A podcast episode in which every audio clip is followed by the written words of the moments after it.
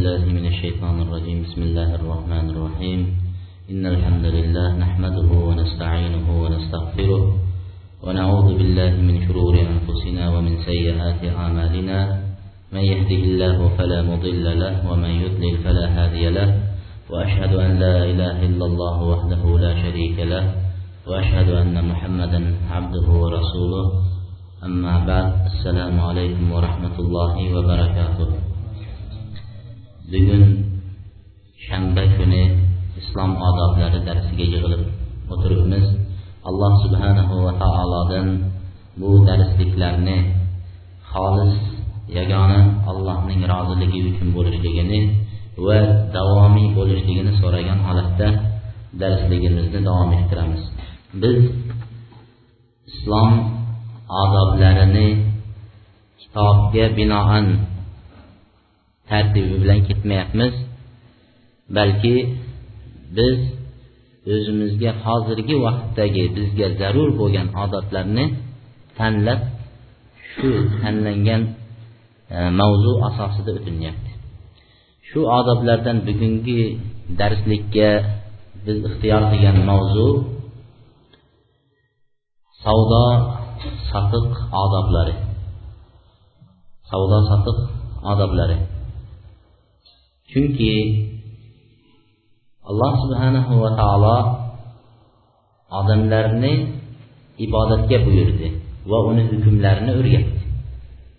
Va shu bilan birga muomala odamlar bir birlarini ichida kundalikda uchraydigan muomalalar oldi berdi sotish olish inson o'ziga hojatmand bo'lgan narsasini bozorga chiqib sotib olishlik va o'zidagi ziyoda narsani olib chiqib unga hojatmand bo'lgan kishilarga sotishlik muomalalarini qo'yib qo'ydi. Va shu muomalalarga alloh taolo hukm yechimlar qo'ydi. Toki odamlar bir birlarini zulm qilib qo'ymasligi bir birlariga ko'ngillarini og'ritib qo'ymasligi bir birlarini haqlarini yeb qo'ymasligi uchun nima qo'yildi? Hukmlar savdo sotiqda hukmlar qo'yildi. Buni biz balog'atga yetishimiz bilanoq o'zi o'rganishimiz zarur bo'lgan odoblar. Chunki har bir kishi o'zi hozir bo'lgan shu zamonda biz yashab turgan zamonda juda ko'pchilik bozor bilan shug'ullanganligi uchun va juda ko'pchilik o'sha savdo sotiqga yoshligidan savdo sotiq bilan shug'ullanayotganligi uchun mana shu narsalarni biz kirishdan savdoga kirishdan avval o'rganib qo'ygan bo'lishimiz kerak. Savdoga kirib olgandan keyin telefon qilib falon narsa bo'ldi qanday bo'lar ekan? degan masala u kech bo'ladi.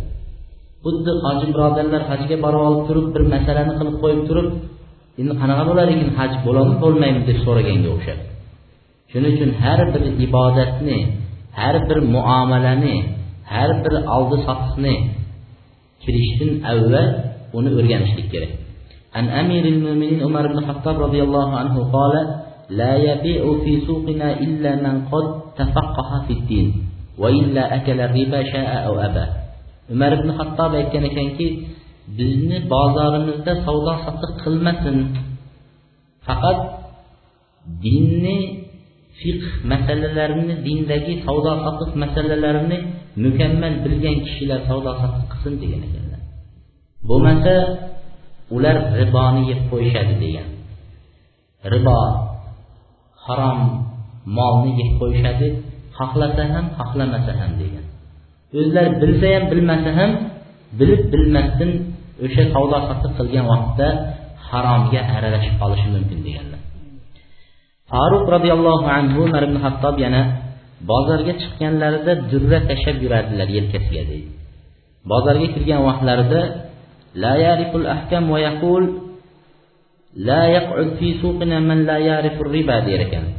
Bizni bozorimizda savdo sotiq hukmini bilmaydigan odamlar o'tirmasin bizni bozorimizda riboning hukmlarini bilmaydigan kishilar savdo sotiq qilmasin der ekan. Deb shu durrasi bilan urib urib o'tar ekanlar odam. To'g'ridan to'g'ri kirib bozorga falon masala qanday bo'ladi? deb so'rar ekan. Bozorga to'g'ridan to'g'ri kirib falon masala qanday bo'ladi? Siz sotib o'tiribsiz shu narsani deydi. Javob bermasangiz yig'ishgan kerak mana shuning uchun ularni zamonida halol bilan haromni naq nima ajratib yeyishlik savdo sotig'ida naq haloldan topayotganligiga ishonchi mukammal komil bo'lishgan. يقول الألامة أحمد شاكر أحمد شاكر olimlarni biri aytadi ha hatto ma ahada ma yaqud olayotgan narsasi va qo'yayotgan narsasini bilmaguncha hatto halol haromni bilmaguncha u odam savdo sotiq qilishga bo'lmaydi chunki la yufsid nasi bay'ahum odamlarga savdo sotiqlarini tijoratlarida botil narsalar bilan fatvo berib yuborishi mumkin deb turib ahmad shakir shunday deb qo'shgan ekanlar. An abdurahmon ibn shibl ansoriy roziyallohu anhu aytadilar rasululloh sollallohu alayhi vasallam bir hadis aytdilar. Shu hadisning o'zi biz savdo sotiqdan avval savdo sotiq bobidagi darslikka muhtoj ekanligimizni bayon qiladi. Bu hadis payg'ambar sallallohu alayhi vasallam aytdiki innat tujjar humul hujjar فقال رجل يا نبي الله ألم يحل الله البيع قال إنهم يقولون فيكذبون ويحلفون ويأثمون dedi payg'ambar alayhissalom aytdiki tojirlar savdogarlar ular fujjor fisq fujur qiladiganlar hujjar deb allohni toatidan tashqari amallarni qilishlik dindan tashqari bo'lgan amallarni qilishlik fosiqlik alomatlari bo'lgan kishilarni Ular shunday kishilar dedi. Ya'ni yomon so'z aytildi shunda bir kishi aytdiki ya rasululloh savdogarlar haqida yomon so'z aytyapsiz. Alloh subhanahu va taolo savdoni halol qilmadimi? dedi. Alloh taolo qur'oni karimda alloh taolo savdoni halol qildi degan. Alloh taolo savdoni halol qilmadimi deganlarida payg'ambar alayhissalom aytdi ha alloh savdoni halol qildi. Lekin ular savdo qilayotganda aytishadilar yolg'on gapirishadilar qasam ichishadilar. Savdo qilayotganda allohga qasam o'zi olganim man shunga olganman ozgina qo'shyapman deydi. Yoki bekitadi olgan narsani. Ishqilib qasam ichib yolg'on gapirishga harakat qiladi odamni ishontirishga harakat qilishadilar. Va gunohkor bo'lishadilar. Shu bilan fojirlar hujur qiladigan kishilar bilan barobar bo'laveradi shuning uchun mana shu narsalarga tushmaslik uchun savdo sotiqdagi odoblarni o'rganishligimiz kerak bo'ladi. Eng birinchi odobi savdo sotiqdagi eng birinchi odobi savdoni sahih durust bo'lishligi uchun ulamolar qo'ygan shartlarni bilib chiqishlik. Savdoyimiz sotayotgan narsamiz olayotgan narsamiz durust bo'lib sahih bo'lishligi uchun olimlar shartlar qo'ygan shu shartlarni bilishligimiz. Sal bu darsga ahamiyat beribroq o'tirasizlar tushunmagan joyinglarni o'rnida to'xtatib so'rasanglar ham bo'laveradi. Chunki e, savdo sotiq muomala bo'lganligi uchun sal qiyinroq bo'lishligi mumkin. Shuning uchun so'rab o'rganib ketishingdan xohlaymiz. Birinchi ulamolar savdo sotiqni durust bo'lishi uchun qo'ygan shartlarni birinchisi aqidayn. Sotuvchi va oluvchiga taalluqli shart bor. Sotayotgan odamga taalluqli shart olayotgan sotib oluvchiga taalluqli shart. Buning birinchi shart nima ekan? Minal bai val mushtari. Sotayotgan odam ham sotayotgan narsasini rozilik bilan sotishligi kerak. Olayotgan kishi ham olayotgan narsasini rozilik bilan olishligi kerak. Illa man ukriha bihaqqin degan joyi bor. Illo haq bilan majburlab sotilgan narsa degan joyi bor unga keyin to'xtalamiz. Demak sotayotgan narsangizni rozilik bilan sotishlik. Olayotgan kishi olayotgan narsasini ham rozi bo'lib olishligi. Norizo bo'lib turgan narsasini olib qo'ysangizda birovni bir yildan keyin men shu narsanga pulini bera qolay nima qilasan deb turib bir yildan keyin puliga chiqib bersangiz u bay sahih bo'lmaydi. Chunki norizo bo'lib turgan vaqtda siz uni olgansiz bu g'asban bo'ladi bosib olgan mulk bo'ladi. Uni bay bo'lmaydi shuning uchun alloh subhana taolo qur'onda aytdi illo sizlar bir birlaringlarni orasida rozi bo'lib turib qilingan tijorat mana shu halol tijorat bo'ladi degan. Ikki taraf ham rozi bo'lgan holatda. Payg'ambar sollallohu alayhi vasallam innamal bayu antarodin savdo sotiq rozilik bilan bo'lishligi kerak deganlar payg'ambar alayhissalom. Endi bu yerda masala bo'ladi rozilik bilan deganda. Bir kishida haqqimiz bor. Bir kishida bir haq bor. Shu kishi shu haqni bermayapti. Illo majburlab olsangizgina shu haqqa erishishingiz mumkin. U kishi rozi bo'lmaydi shu haqni berishlikka. Bunda nima bo'ladi? Ulamolar o'sha masalaga rozi bo'lish degan joyga shuni kirgizishganki agar bir odamda haq bo'ladigan bo'lsa sizga bermayotgan bo'lsa misol uchun qarz olgan qarzni to'lamayapti. Lekin shu kishi mashinasi bor tagida uyi bor yeri bor soxta arzugulik bo'lgan. Ulamolar aytishadiki degani haq bilan majburlab sotilingan mulk degani. O'sha meni haqqimni berishligi uchun mendan qarzdor bo'lgan kishiga qozi chaqirib turib siz shundan qarzdor ekansiz. Tiyagingizda minib yurgan mashinangizni sotib pulini berasiz deb uni majburlab sottiryapti. Haligi kishi majburan qozining buyrug'iga asosan mashinasini sotib nimani to'layapti? Qarzini to'layapti. Shunda haligi kishi majbur bo'ldimi birov majburladimi uni sotishga? O'zi rozi emas edi. Shu bay durust bo'laveradi degan. Shu vaqtda durust bo'ladi. Shuni tushunarli bo'lgandir ikkinchisi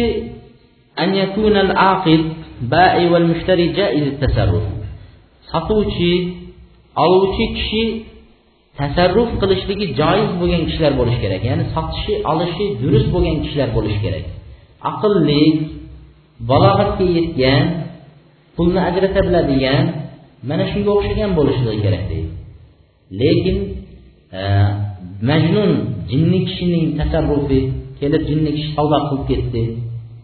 Yoki balog'at yetmagan bolaning tasarrufi kelib savdo sotiqqa kelib savdo qildi. Bularni hukmi nima bo'ladi?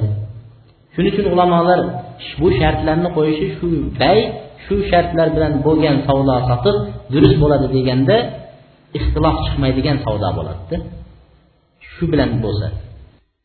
Aqlli kishi jinni bo'lmagan kishi balog'atga yetgan yigit kelib savdo sotiq qilsa unda ixtilof bo'lmaydi. Lekin yosh bola kelib savdo sotiq qiladigan bo'lsa ulamolar aytishadiki katta narsalarni savdo qilishga bo'lmaydi deydi yosh bolalar mumayyiz bo'lsa pulni va boshqa narsani ajrata biladigan bo'lsa odatan olinadigan non olib kir desa misol borib non olib kirishligi boshqaga joiz ruxsat berishgan yosh bolalarni balog'at yetmagan bolalarni shunga ruxsat deydi. Ammo katta katta narsalarni savdo qilishligi uchun nima bo'lishligi kerak? Balog'atga yetgan bo'lishligi kerak. Bu yerda musulmon bo'lishligi kerak degan shartni qo'yishmadi. Chunki mo'min kishi kofir kishi bilan savdo qilishi mumkin unga narsa sotishi mumkin va kofir kishidan mo'min kishi narsa sotib olishi mumkin. Shuning uchun bu shartni qo'yishmadi olimlar. Üçüncü şerti yüşterati fi kullin minel akideyni en yekuna maliken lil ukudi aleyhi ev kaimen makama mülkihidir. Yani ikkala üçüncü şerti satayotgan odam sotib olayotgan odam shu sotayotgan narsasiga ya'ni sotuvchi odam malik lil ma'qud alayhi o'sha sotayotgan narsasiga egador bo'lishligi kerak. O'zini mulki bo'lishligi kerak. O'g'irlab olib sotmasligi kerak. O'zini mulkidagi bo'lgan narsa. Yoki bo'lmasa hali qo'limga kirgizilmagan narsani sotishim durust bo'lmaydi. Men shaharga tushdimda misol uchun bir mashinani ko'rdim. Keyin keldimda shu mashinani narxlashib olmadimda chiqdimda bu yerda bir kishi bilan gaplashib shu mashinani foydasi besh yuz dollar beradigan bo'lsa men aytamanki menda shunday shunday mashina bor siz shuni olasizmi deyman. Olaman desa bo'ldi deb qo'l tashlashib shu bay qilishlik noto'g'ri deyishadi. Chunki u hali uning mulkiga kirib kelmadi deydi. Hali men uni sotib olib o'zimniki qilganim yo'q hali. Qachon men o'zimni mulkimga kirgizganimdan keyin mulkimda turgan narsani sotishligim mumkin? Mana bu bayni sahih bo'lishligi. Agar qo'limizda bo'lmagan narsani falon do'konda bor men shuni olib kelib bunga sotib yuboraman deydigan bo'lsak bu bilan savdolashib qo'yadigan bo'lsak bu durust bo'lmaydi. Bu uchta shart kimlarga taalluqli? O'sha e, sotuvchi va oluvchiga taalluqli. Endi narsani egasi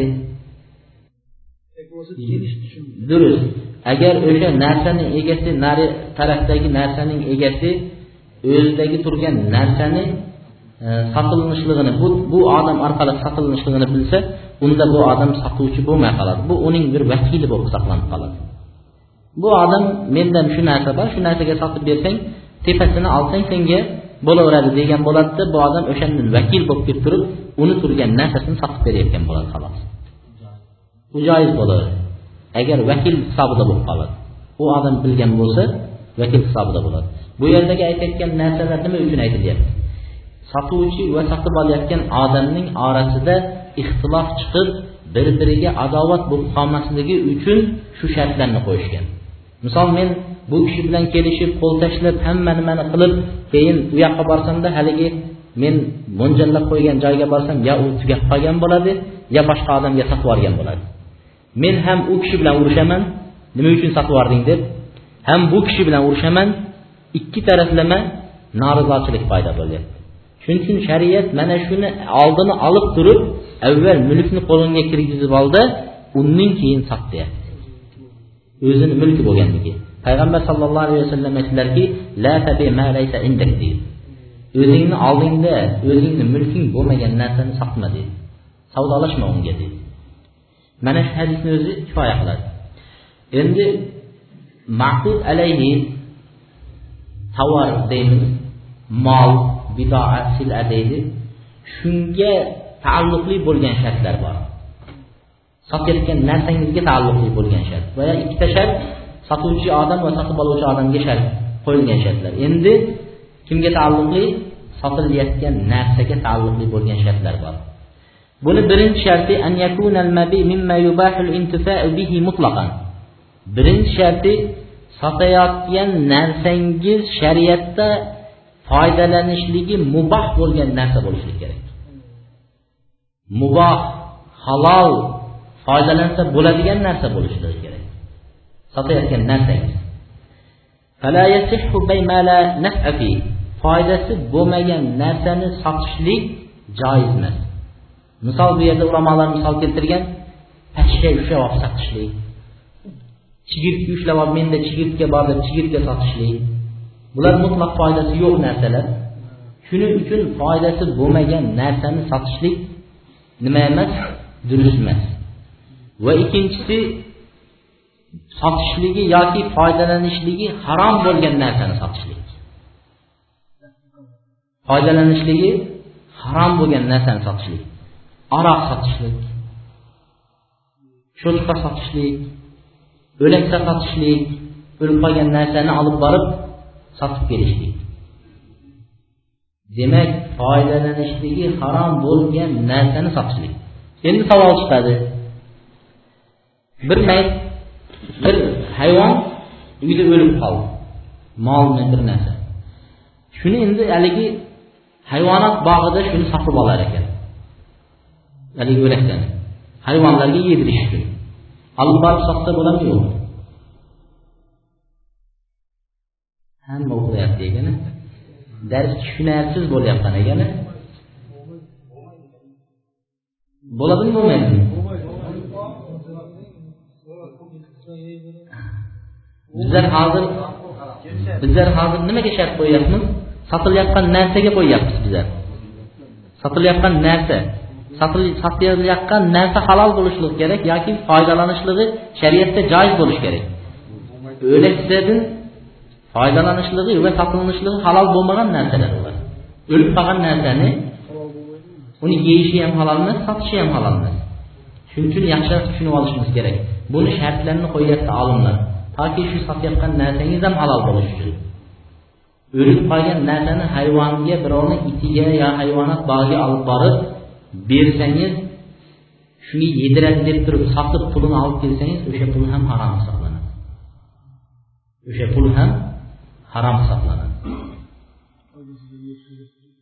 Payg'ambar sollallohu alayhi vasallam aytdilarki va harrama khinzir asnam. Alloh taolo va payg'ambari aroqni o'liksani cho'chqani va nimani dedilar?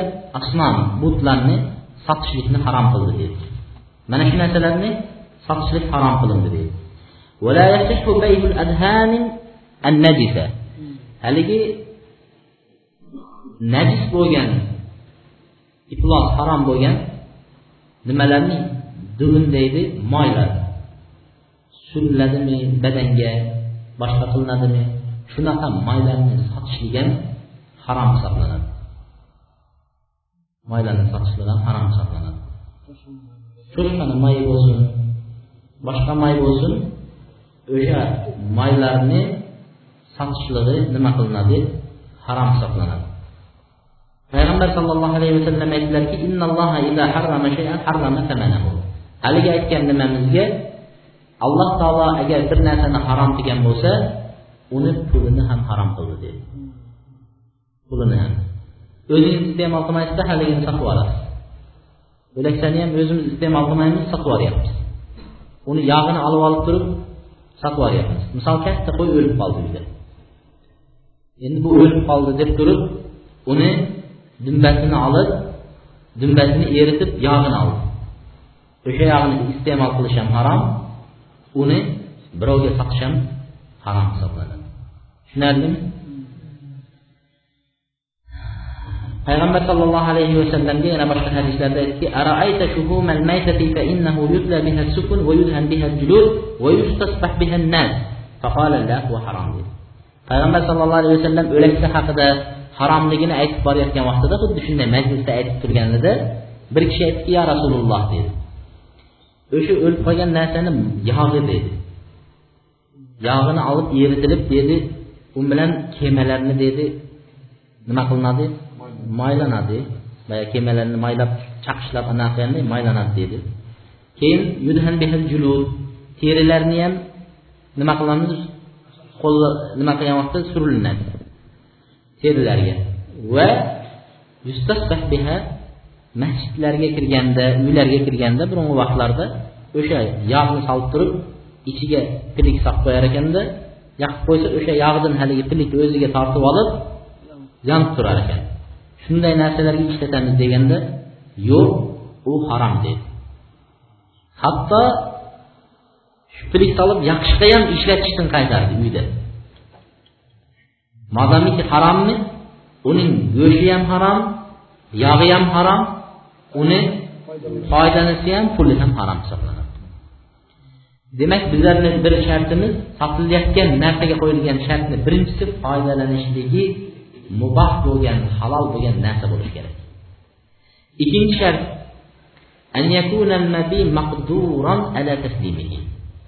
sotayotgan narsamiz sotayotgan molimiz sotayotgan aytgan tovarimiz uni egasiga topshirishlikka bizlar qodir bo'lgan narsa bo'lishligi kerak. Egasiga topshirishlikka bizlar qodir bo'ladigan narsa bo'lishligi kerak. Misol nimani misol qilishadi? Baliqni.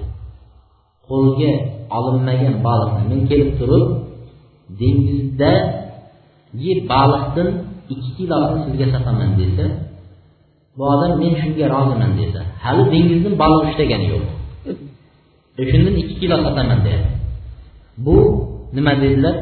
Durust emas shu.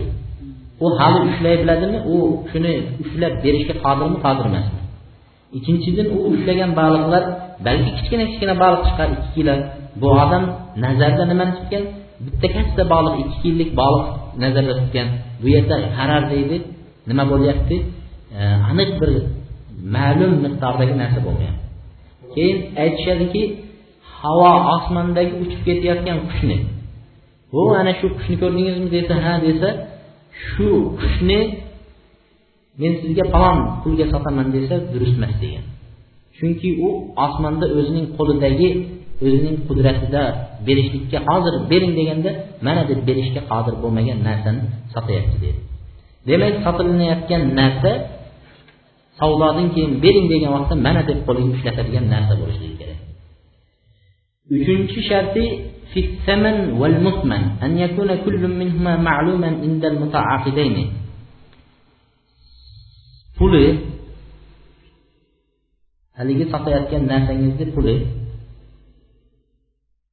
va sotilingan narsaning nimasi sotilingan narsa ma'lum bo'lishi kerak misol uchun mana shu mol va mol ma'lum Va uni puli ma'lum bo'lishi kerak.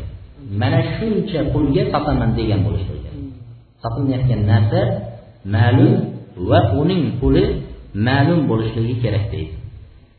Misol bunga qarshi bo'lgan narsalarning misoli vala baya haml fi batn degan. Hali tug'ilmagan narsani o'sha nimasini qornida turib onasini qornida turib hozir shunday nimalar bor? Judayam haligi zotdor otlarni zotdor qo'ylarni hali tug'ilmasdan turib keyingi yilgi tug'iladigan yoki onasini qornida turgan anaqasiga hamilda turgan e, bolalariga odamlar savdolashib qo'yar ekan. Borib zotdor qo'ylarga mana shu tug'ilayotgan nimalariga men munchadan beraman deb savdo qilar ekan. Yoki otlarni ham mana shundan tug'iladigan zotlar otning bolasiga men buncha beraman deydi.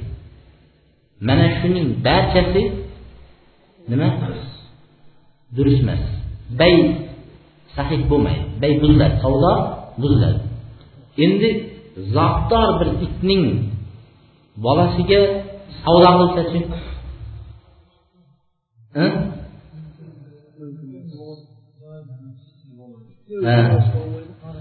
Bu aslida bizlar boyagi shartimiz bo'yicha sotilinayotgan narsa muboh bo'lishi kerak deydik bu yerda it muboh narsalardan emas. Sotilishi o'zi asli harom bo'lganda harom narsa. Shuning uchun u itni kerak bo'lsa itni bolasi ham emas itni o'zini sotishligi joiz bo'lmagan narsalar endi ikkinchi odobi savdo sotiqning ikkinchi odobi harom bo'lgan narsalarni sotishlikdan chetlanishlik. Harom bo'lgan narsalarni sotishlikdan mutlaq chetlanishlik. Aroq mast qiluvchi ichimliklar duxon e, temakilar tamakli va majallatul halia haligi suratli bo'lib ham buzuq suratli gazeta jurnallar sotishlik. Birodarlar do'konlarda shunday narsa ko'rib qolmaylikda va shunga o'xshagan e, hali aytilgan disklar bo'lsin.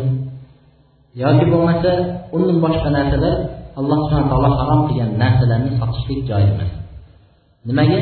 Yuqorida biz aytganday alloh taolo nimani harom qilgan bo'lsa uni pulini yeyishlikni ham harom qildi deydi men o'zim nima qilmayman iste'mol qilmayman. Faqat sotyapman desa ham baribir nima bilan kirib ketaveradi.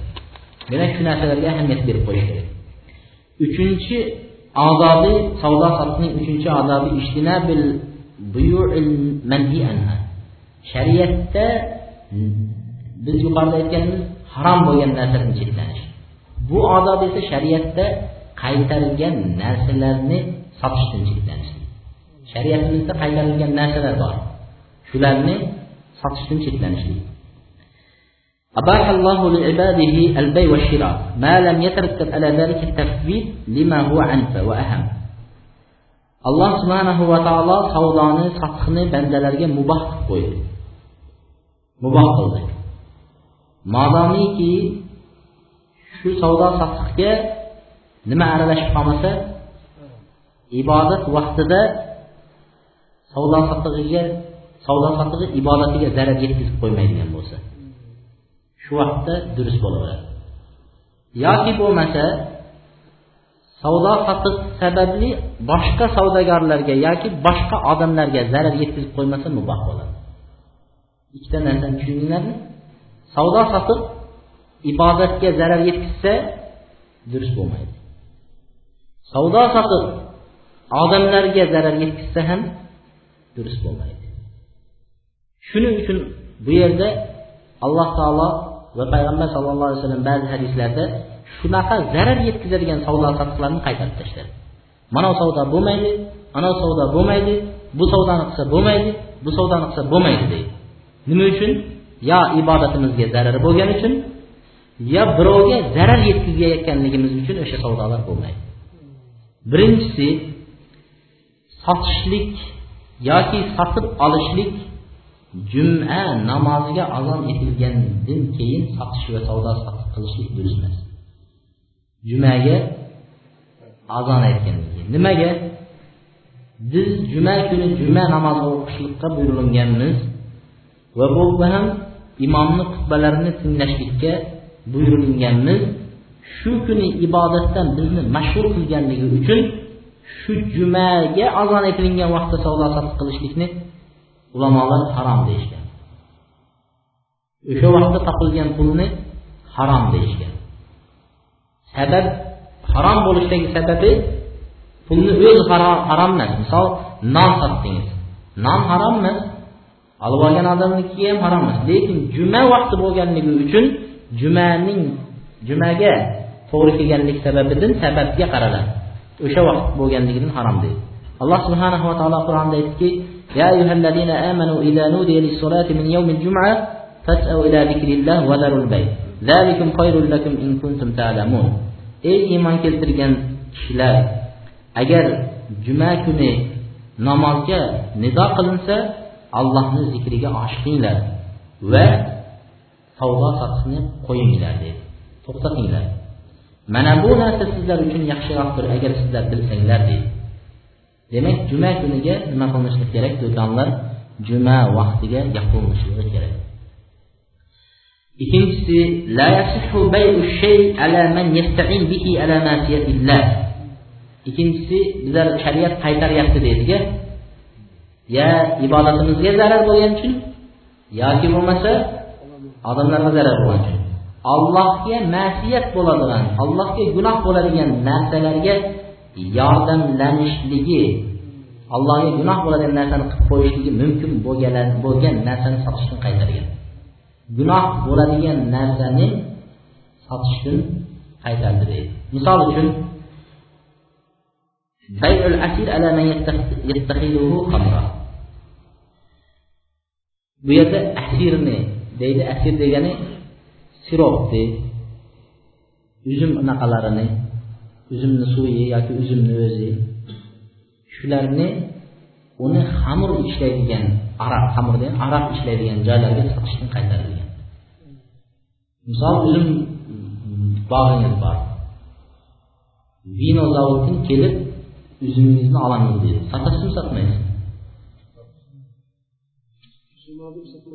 yoki bug'doyni aroq zavodidan kelishib bug'doyingizni olish kerak sotasizmi sotmaysizmi sotilmaydi demak tushunarli bo'lyaptimi sal bo'lsa ham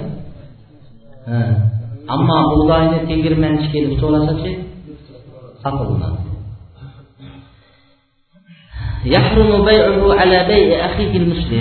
uchinchisi musulmon birodarning savdo qilib turgan savdosini ustiga savdo qilishlik harom qilindi bir birodar savdo qilib turgan edi shuni tepasiga kelib nima qilindi? Savdo qildi. Misol uchun bir mashina bu birodarimiz mashinani savdolashyapti. Ikki ming dollarga mashina olaman deb tursa menga ham shu mashina judayam yoqib turgan bo'lsa men kelamanda mayli men ikki ming ikki yuz berdim deyman. Bu birodar savdo qilib turgan joyida nima qildim? Buzdim. Bu sotib oluvchi odam nima qilyapti buni? Buzyapti. Yoki bo'lmasa sotuvchi odamni o'zi buzishi mumkin. Sotuvchi odam qanday buzadi? Ha?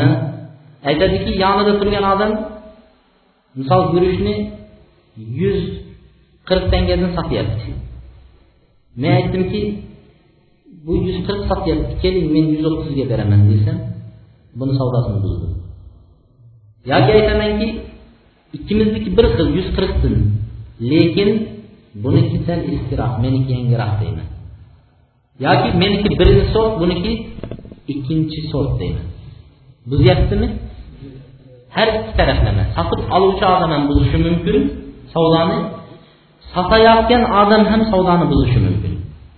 Ikkalasidan shariat qaytardi. Va shu savdoni nima qildi? Shu bayni harom dedi. Shu bay buzildi dedi. O'sha narsa. Shu narsalardan bozorda ehtiyot bo'lish kerak. Oshiqib shoshib ketmaslik kerak. Avval kutishlik kerak. Sotyaptimi sotib olyaptimi shoshmasdan kutishlik. Agar bir odamlar bozorda keling mendan oling deb ashuna qiladigan bo'lsa unga shariatimizni hukmini bir og'iz o'rgatib ketishimiz kerak. Juda ko'p uchraydi bozorda. Juda ko'p uchraydi shunday qiladiganlar. Shularga biz bir og'iz shu kalimani o'rgatib ketishimiz kerak. Mana bu narsa shariatimizda qaytarilgan birodar sizni rizqingiz ham buni rizqi ham alloh tarafidan siz shoshmang deyish kerak. Endi shu hadisni yana davomida birodarning savdosiga savdo qilmang va birodaringiz sovchi bo'lib borgan xonadonga ustiga sovchi bo'lib bormang degan. Siz bir qizga masalan sovchi bo'lib borgan bo'lsangiz bu boshqa birodar ham shu qizni yoqtirib turgan bo'lsa to'xtang o'sha olib ketib qolmasin deb shoshib hovliqib haligi xonadonga sovchi yuboradi. Mana shundan qaytarilgan. Chunki buning shariatda oxiri yomonlikka olib keladi. Oxiri haligi men olay deb turgan narsani birodar olib qo'ysa ko'nglimda o'shanga nisbatan yomon ko'rishlik paydo bo'ladi. Haligi birodari olay deb turgan qizni mana sovchi qo'yib oladigan bo'lsa ikki odam bir birini orasida yomon ko'rish paydo bo'ladi. Bizni ustozlardan biri o'sha arab mamlakatlarida qamoqxonalarga borib da'vat qilibdi qamoqxonaga borib da'vat qilganidan keyin qamoqxonaning boshlig'i aytibdiki u yoqda bilasizlar arabistonda o'limga hukm qiladiganlar qilinganlar bor. Shunday olib chiqib qilich bilan boshini olib o'limga hukm qilinadi ular alohida xonalarda saqlanadi. Qachon ijro etilinishlik bir oydan keyinmi to'rt oydan keyinmi ijro etilinishlik hukm berilib qo'yiladi. Shungacha haligi odam o'limni kutib yotadi tavbasini qilib qamoqxonada yotadi. Shunda haligi kishi qamoqxonani boshlig'i aytdiki birodar mana keldingiz da'vat qildingiz juda ko'p mahbuslar siz da'vatlaringizdan ta'sirlandi. Buni bir yaxshi tarafi bor qarang. Qamoqxonaga kirgizib turib o'g'ri qamoqxonaga kirsa kalla kasal bo'lib chiqadida. Ularni qamoqxonalarida kirganidan keyin da'vat qilib shayxlarni olib borib tushuntirib boshqa qilib o'sha qilgan qilmishini gunoh ekanligini tushunib ikkinchi marta unga qo'l urmaydigan bo'lib chiqishadi. Shunda haligi odam aytganki yuring bu yoqda o'limga hukm qilinganlarning xonasi bor deydi da'vat qilsangiz ular ham o'limidan oldin allohga tavba qilib o'lsalar shoyatki ertagi kuni alloh taolo ularni jannatga kirgizsa deydi kirdim da'vat qildim deydi. Da'vat qilib o'tirsam deydi yigirma yigirma beshlarni atrofida bir yigit u yoqqa bu yoqqa yuradi hech bir da'vatga ham quloq solmaydi deydi. G'am tashvishga tushib qolgan deydi. Da'vatni qilib bo'lgandan keyin o'limga hukm qilinganlar bas. Haligini so'radim nima bo'lgan bunga? Judayam g'am tashvishda degan ekan. So'raganda bu yigit bilan o'rtog'i bahslashib qolibdi falon qizni ikkimizni qay birimiz olamiz degan. Ikkala ham yaxshi ko'rar ekan. Shunda haligi aytganki sovchi o'rtog'i sovchi qo'ygan ekan bu yigit undan epchilroq chiqib sovchilarni ustiga yana sovchi yuborganda bu hadyalar va nimalar bilan yuborgan bu birini ixtiyor qilib bunga berishgan qizni shunda haligi yigit birinchi sovchi yuborib ololmagan yigit hab senimi bir ming senga ko'rsak degan narsani yerga tugib qo'ygan. Shunda o'rtoqlari bilan yig'ilib bir kuni shunga ittifoq qilganki buni vasvasa qilamiz degan. Haligi o'rtog'i kelganda aytganki ey birodar ha olgan mashinangizni yuvib bermayapsizmi? Qutlug' bo'lsin deb qanaqa mashina oldim desa jip mashina olibsiz degan. Yo'q men mashina olganim yo'q desa kecha ayolingiz minib ketganda siz mashinangiz ekan debmiz degan haligini shubha tushadi ko'ngliga. Ikki kundan keyin yana o'rtoqlar yig'ilib ikkinchisi aytadi ey birodar mashinani yuvmaysizmi? deydi qanaqa mashina? desa kecha kamri mashinangizni yuvib bermaysizmi? deydi ha men mashina olganim yo'q desa kecha ayolingiz minib ketib ayolingiz shu bilan kelib tushganga biz sizga siz ekan debmiz deydi uchinchi kuni ham shu voqealarni davom ettiradi. Har o'rtoqlarini eshitganda uyga kelib janjal qilib ayoli bilan nima qilishadi? Do'pposlab ayolni uradi. Shundan keyin to'rtinchi kuniga ayol ketib qoladi. Ketib qolsa haligi oshnalarga kelsa ha ayolingiz shu oyog'i suyuqroq chiqdiyu deydi degandan keyin buni ko'tarolmay haligi bola pichoqni olib to'g'ri borib ayolini uyiga qaynotasini uyiga borib yotgan joyida kirib pichoqlab bunday ayol meni sharmanda qilganini ko'rib o'ldirganim yaxshi deb o'ldiradi. Shunda uni o'sha qamoqxonaga olib kelib haligini begunoh o'ldirganligi uchun bu qasos olinishligi kerak. Bu ham yigirma yoshar yigirma besh yashar bola gunoh nimaga nima qilindi? O'lim jazosiga tortildi. Ham xotinini birovlarni ig'vosiga kirib o'ldirdi ham o'zi ham o'lim jazosiga tortilyapti shuning uchun birovning sovchi qo'ygan joyiga qaraganini bildingizmi? O'sha odamga bermay u odam olmaslikka rozi bo'lgandan keyin keyin borib sovchi qo'yish. Savdo qildingmi bir odam? Shu odam olmaganidan keyin borib o'sha narsaga savdo qilishlik. Tushunarlimi? To'rtinchi shariat qaytargan savdolarni to'rtinchisi najish najish deydi. Najish savdosi deydi bu nima qanday narsa men arab tilini ham boya aytayotganim sal sal esinglarda qolsa u yerda bu yerda shunday arab nimasida yetib ketsa tushunib qolasizlarda najish savdo deydi. Najish savdosi deyishadi. Bu bir odam o'zi sotib olishlikni ixtiyor qilmaydigan odam kelib turib tovarni narxini ko'tarib yuboradi. Bozorga kirsangiz hali bozorda sekin bozor aylanib yuradigan odam bor. Cho'ntagida bir tiyin yo'q. Faqat bozor ko'ryapman deydi. Va keladida haligi turgan narsaga faloncha bersam bo'ladimi deb qo'yadi narxini ko'tarib ketadi. Keyingi kelgan odam olaman deb kelgan odamga haligi odam ha biri hozir menga munchaga so'rab ketdi sizga endi qanday bu arzon beraman? deb turaveradi o'zingiz ixtiyor qilmagan narsani savdolashmang. Narxini ko'tarmang o'tgan bozorda ham bir kishi savdo qilayotgan vaqtida falon narsaga deb savdolashib turgan joyda bir kishi keldida ustiga o'n ming tanga ziyoda qo'shib ketdi. O'zi bu narsa deydi bunchaga turishi kerak dedida o'tdi ketdi. O'zi olgani ham yo'q. Haligi odamga endi sotayotgan odamga albatta nima qiladi? Bu narsa arzon sotyapman ekan degan narsa kelib qoladi. Sotib olayotgan odam bo'lsa nima qiladi? Qo'shib ketgandan keyin uni g'azabi chiqib qoladi. Shuning uchun olmaydigan narsangizga ustiga qo'shishlikdan qaytargan. Bu ikki xil bo'ladi.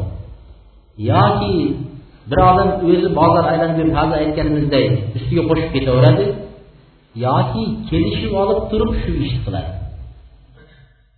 Bir mol bozorga kiradigan bo'lsa besh odam kelishib oladi.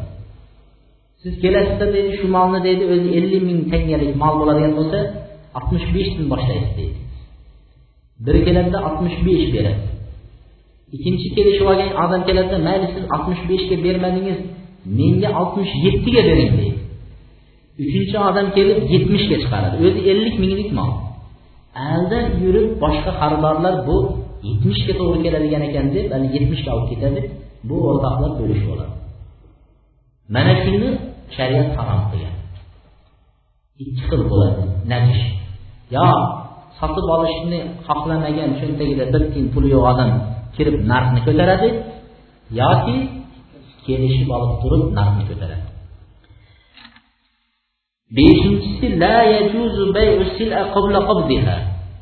Biz yuqorida aytganimizdek sil'a sotayotgan tovarni sotayotgan narsani qo'lga kiritmasdan turib o'sha narsa haqida savdolashishlikdan qaytarilganmiz men bu narsani buni o'zini har bir narsani qo'lga kiritishlik degan ulamolar aytgan ekan. Har biri o'zini nimasiga qarab bo'laveradi degan. Masalan molniki mashinaniki uyniki uyni qo'lga kiritish degani dokumentlarini to'liq olganingizdan keyin nima qilasiz? Boshqa odamga sotasiz. Va uyni bo'shatib qo'ygandan keyin. Hali uyingizda uyni egasi o'tiribdi. Siz keldingizda savdolashdingiz haligi uyni egasi hali sizga dokument bermagan. Borib turib uyni birovga sotib olgansiz pulni oldingiz siz ketdingiz. Haligi odam kelsa men seni tanimayman dedi. Mojaro chiqadi. Endi shunga o'xshagan narsa mol bozorida. So'rashadi molni shunday olib turib bozorni o'zida sotsa bo'ladimi? Yo'qmi degan. Bo'ladimi? Yo'qmi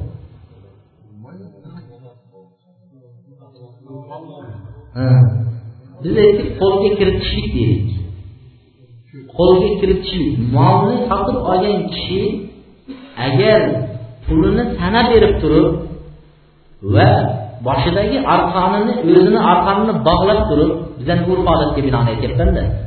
Boylab turib molni haligini oldidan baraka toping deb yetaklab ketgandan keyin ikkisi ajrashgandan keyin mol bunikiga aylanadida bu bemalol o'sha molni sotsa bo'laveradi o'sha bozorni o'zida ammo men kelib turib bir odam mol sotayotgan bo'lsa men u bilan savdolashib molni sotib olsamda hali pulini ham bermay turib hech narsa qilmay turib o'rnida boshqa odamga sotadigan bo'lsam bu durust bo'lmaydi.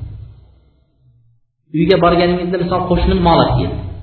Men uni molini sotib oldim meni taniydi. Sotib oldimda hali pulini berib bo'lmasdan o'sha molni o'rnida sotib oldim. Mana shu bo'lmaydi avval pulini berishlik bilan u mol sizni mulkingizga aylanadi. Tushunarli bo'ldimi? Nima uchun bo'lmaydi desa olimlar nima uchun bo'lmaydi desa haligi kishi shu yerda sizni foyda qilayotganingizni ko'rib aynab qolishi mumkin deydi. Ustida ellik mingga sotgan bo'lsa siz uni to'qson mingga sotayotgan bo'lsangiz e qirq ming shu yerda men yutilyapmanmi ke bunaqa savdoni? dedida e bu molni pulini hali bu bergani yo'q meni molim deb o'rtaga kirib qolishi mumkinda shuning uchun haligi odam foydani ko'rgan vaqtda aynab ketishi mumkin deb to'liq sizni mulkingizga o'tishlik deganda tushunarli لأن البائع قد يسلمه وقد لا يسلمه لا سيما إذا رأى المشتري قد ربح فإنه يسعى في رد البيع Hozir aytgan gapimiz shayxul islom ibn taymiya va ibn qayyumlar aytgan ekanki nima uchun haligi qo'lga kirgizmasdan turib o'rnida sotib olsa bo'lmaydi savdolashib qo'ydiku deganda ular aytishgan ekanki yo'q. Bu odam haligi foydani ko'rganda aynab ketib sotgan molini qaytarib olib qo'yishi mumkin. Yoki bo'lmasa sottirmay qo'yishi mumkin. Shu narsalardan bo'lmaydi degan ekan.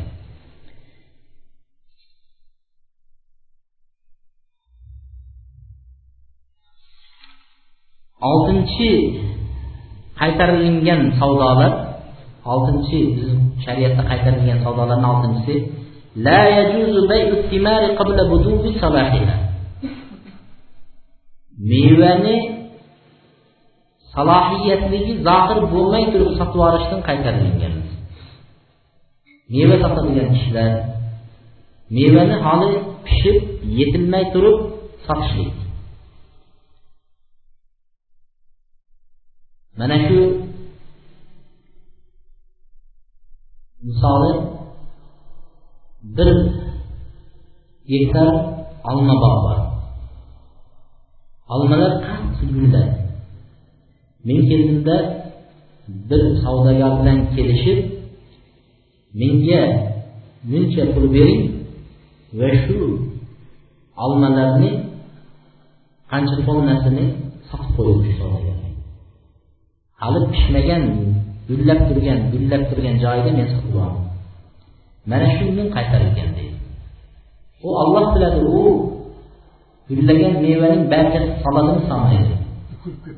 To'kilib ketadimi meva bermaydimi yoki bo'lmasa mana shuni misoli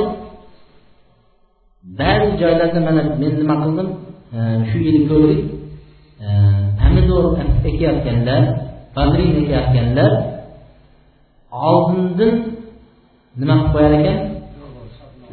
Dogorovod qilib olar ekan. Konserva zavodlar bilan keyin shuni ekar ekan. Ekib shundan chiqqan mevani o'sha joyga nima qilishadi? Bitkazishadi mana shu narsalarni qaytarganmiz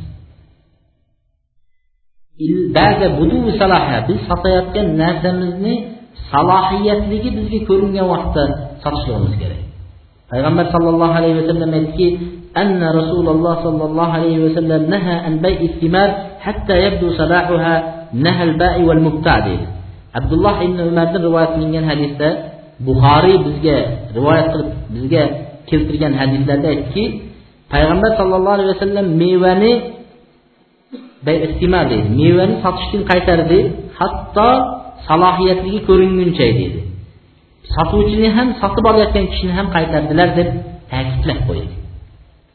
Sotib olayotgan kishini ham qaytardi. Deydi ibn umardan kelgan hadislarda payg'ambar sollallohu alayhi vasallam la tabta'u samar hatta yabdu salahu va tazhab anhu al-afa deydi mevani salohiyat ko'rinmaguncha sotmanglar. Hattoki salohiyat ko'rinib ofat undan ketgandan keyin sotinglar deydi. Misol kelib turib to'kib yubormasin shamol. Meva gulidan keyin misol uchun kichkina kichkina dovchaladi dovcha vaqtida ham sotishga bo'lmaydi. Nimaga? Shamol kelsa o'shani to'kib yuborishi mumkin. Yeyilishlikka arzugulik bo'lguncha sotishlikka bo'lmaydi. Ana undan keyin borib turib nima qilsa bo'ladi? Undan keyin kelishib sotsa bo'laveradi. Jobir ibn abdullahdan kelgan hadisda payg'ambar sollallohu alayhi vasallam mevalarni sotishdan qaytardi. Hattoki tushqor deganlar tushqor bo'lguncha ulamolar sahobalar tushqorni nimadir deganlarida tahmarra dedi. Rang olguncha deydi yo qizil rangga kirgicha yoki sariq rangga kirgicha shuni sotishga bo'lmaydi deydi demak mevalar yo rangi sarg'ayib yoki qizil bo'lib borgandan keyin savdo qilishlik kerak. Nimalar esa pomidorlar yashil bo'lib yaroqliq bo'lgan vaqtda uzib olsa ham undan keyin turgan joyida qizaradi. Lekin gul vaqtida kichkina bo'lib turgan vaqtda sotishlikka bo'lmaydi. Tushunarli mana shu narsalar ko'p uchraydi biz nimada? Keyingisi nahan nabiy sollallohu alayhi sollallohu alayhi vasallam an bayil muavama yettinchisi. Payg'ambar alayhissalom bizni qaytargan savdolarni gapiryapti. Chunki savdoda yurgan vaqtingizda shunday narsalarga duch bo'lib qolmaslik uchun aytilyapti muavamat degandan qaytardi deydi. Biz ataylab arab tilida keltiryapmiz. Chunki har kitoblarda ba'zi savdolar shunday keltirilgan. Hatto muavama desangiz arablar ham tushunmaydi. Bayul muavama bayul hiso bayul masalan boshqa hiqol aytsangiz arablar tushunmaydi. Lekin shu ibora bilan saqlab qolishgan. Shu ibora bilan saqlab qolgan shuning uchun biz ham shuni aytyapmizki bayil muavama muavama savdosi qanaqa bo'ladi? Muavama savdosi bir bog'ni bir necha yilga sotib yuboradi mevasini endi bog'ni olayotgan odam nimani oladi? Daraxtini kesib olaman deb olmaydiyu to'g'rimi? Mana shu daraxt ikki gektar bir gektar e, nimani? Bog'ni sizga sotyapman desa u bog'ni tagiga ekin qilib bo'lmasa u bog'ni meva nimasini daraxtini kesib ololmasa demak uni maqsad shu bog'dan ikki yil uch yilgacha foydalanaman degan narsa bilan nima qiladi? Bitim qilishadi. Mana shu narsadan qaytarildi deydi yoki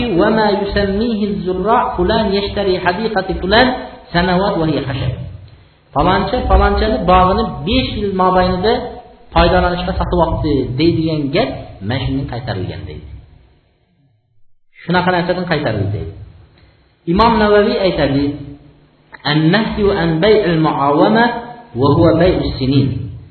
muavvana savdosidan qaytarilgan bu bir necha yillarga bog'ni sotib yuborishlik buni ma'nosi bog'ning mevasini ikki yil uch yil undan ko'p yillar davomida sotib oladi.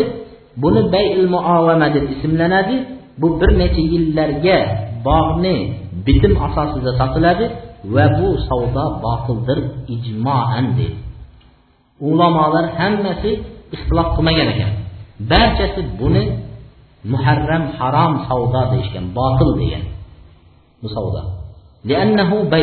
Chunki bu sotayotgan odam aldamchi bay bu yerda aldanib qolishlik bor. Bir yil meva bersa bir yil bemasi mumkin yoki olgan bog'i bir yilga olgan bo'lsa shu yil meva bermasi mumkin. Bu nima sotib olgan odam zarar qildi bog'ni sotgan odam foyda qilyapti. Bizni shariatimiz ikki sotuvchi va sotib olayotgan odamni ikkalasi ham nima qilmaslik kerak? Ziyon ko'rmaslik kerak shariatda. Sotayotgan odam ham ziyon ko'rmaslik kerak shariatda sotib olayotgan odam ham ziyon ko'rmas kerak. Shariatga o'xshab xalqni ikkala tarafni foydasini o'ylaydigan hech qanaqa qonun yo'q. Har qanday qonun ikki tarafni birini o'ylaydi. Lekin shariat bo'lsa ikkala kishini foydasini o'ylaydi. Payg'ambar sollallohu alayhi vasallam aytdiki lam yusmirhallohu dedi. Agar shuni sotib olgan yeringiz dedi. Alloh taolo shuni mevalattirmay qo'ysa meva berdirmay qo'ysa dedi. Unda birodaringizni molini nima narsa bilan halollab olyapsiz dedi. Bir yilga oldingiz mevani alloh taolo taqdir qildi meva bermadi. Bir yilga o'shanga o'sha odamga sotdimda men pulni oldim. Shu pulni nimani evaziga olyapsan deyaptida. Bergan mevang bo'lmasa boshqang bo'lmasa turgan bog' o'z holatida turdi bir yil davomida. Nimani evaziga shu pulni oldingiz dedilar.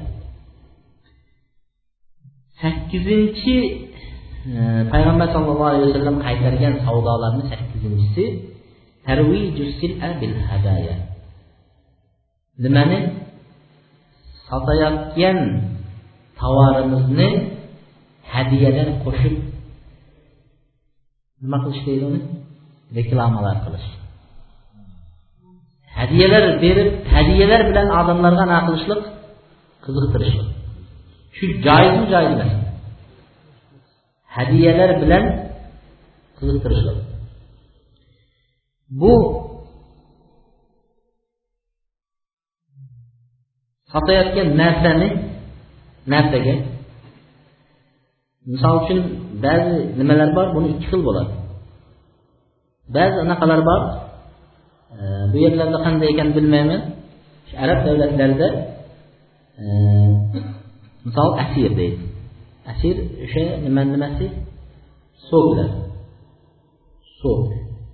Shaftoli soki olmani soki o'rimni o'rikni soki to'rt litrlikda bo'lsa idishda nima bo'ladi? O'n real o'n o'n real misol besh yuz tanga bo'ladi.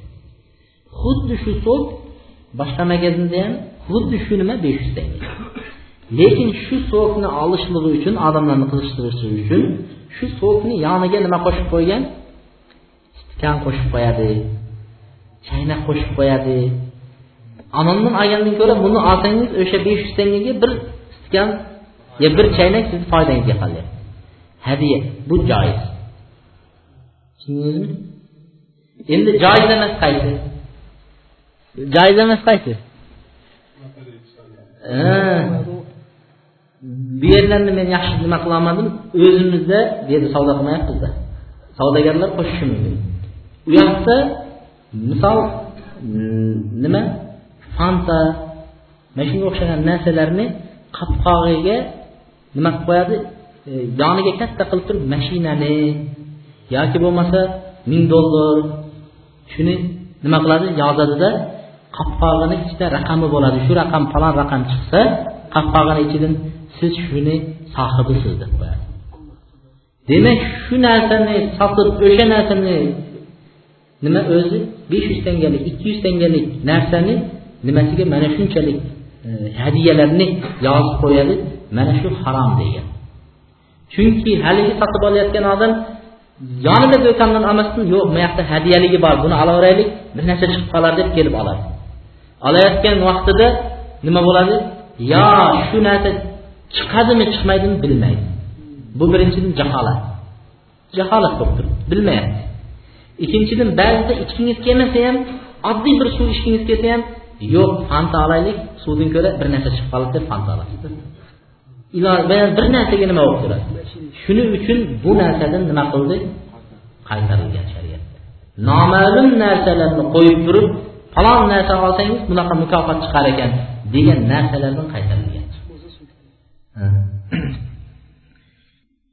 to'qqizinchisi to'qqizinchisi bu ixtilofli masala.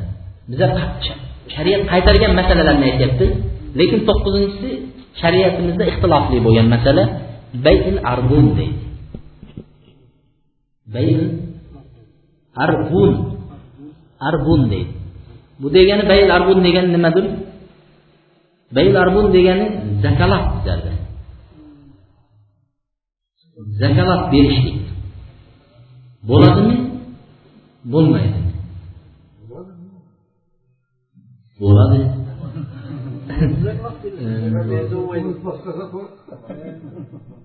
zakovat berishlik biroz oldin bir kishi telefonda xuddi shu masalani so'radi bir kishiga dedi molini olib dedi zakalat berib ketgan edim deydi keyin uyga kelib men xabarim bo'ldi shu moli deydi savdirmas ekan ketar ekan deydi. Keyin shu zakalat men aynadim haligi sovuq nimani olishdan aynadim. Qaytib kelib zakalatimni so'rasam bermayapti deyapti nima deb javob beradi? endi berma deymizmi zakalatni bergil aytamiz u aybini aytganmidi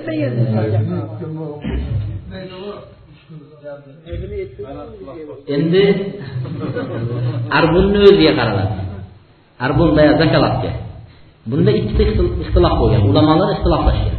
Shuning uchun buni oxiriga keltirdik bizlar. Ulamolar zakalatga ixtiloflashgan.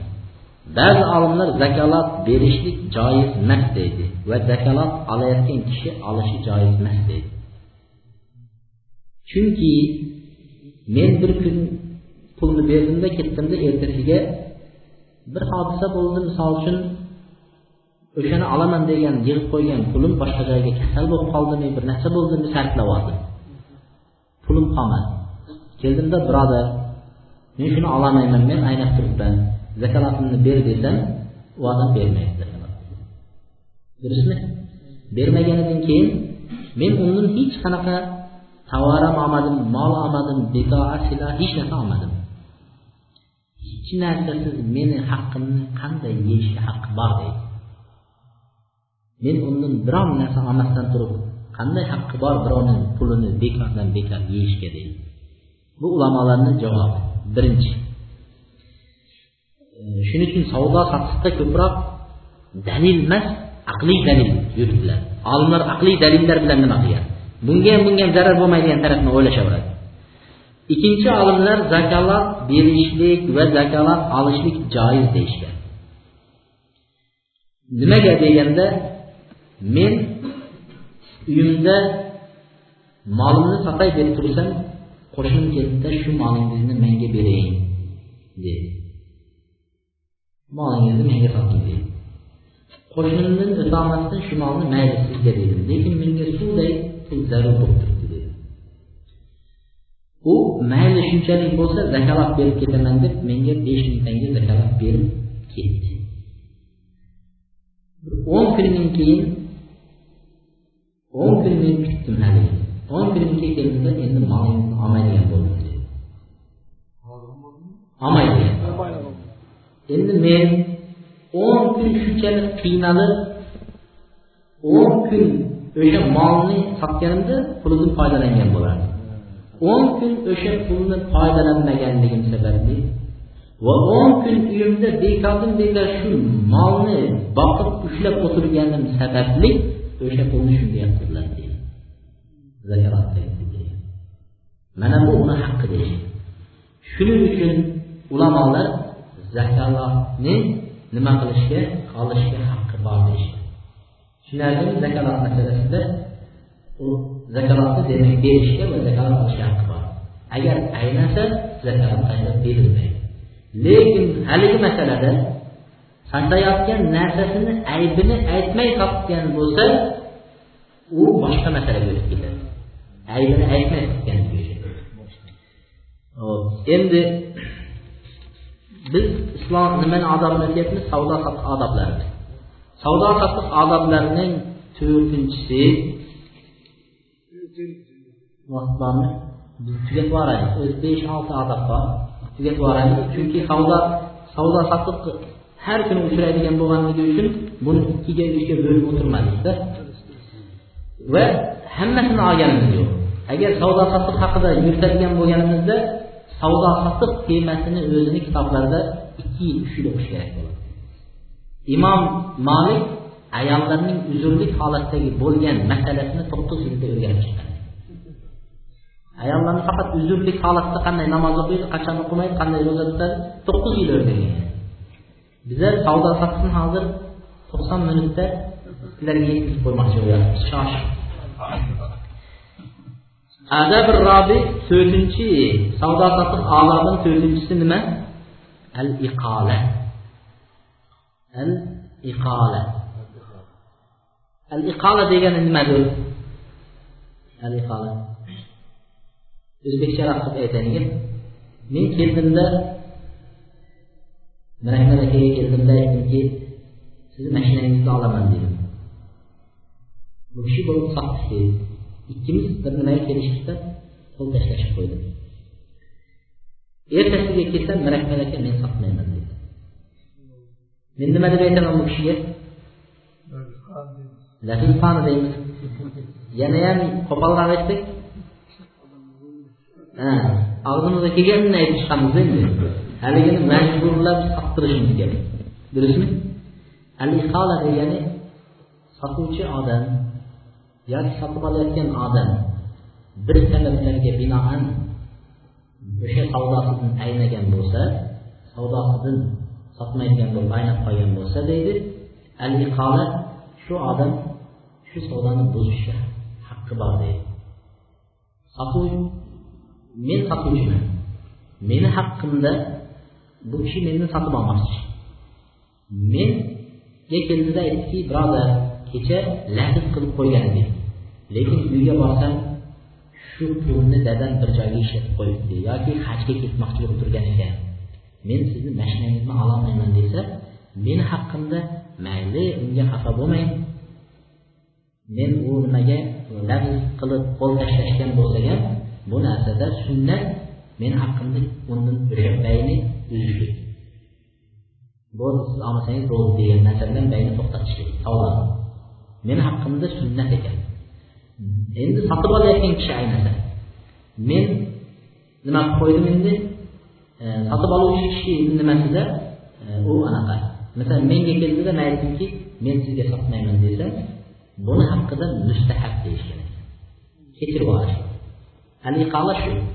Ikki odam aynasa bizda aytadiki lahiq qani? deydi musulmonmisan? deb aytadi musulmonmisan? deydi u u judayam shariatimizga xilof kalima asli musulmonmisan? deyotgan kishi asli shariatni bilsa shuni haqqidan sunnat nima?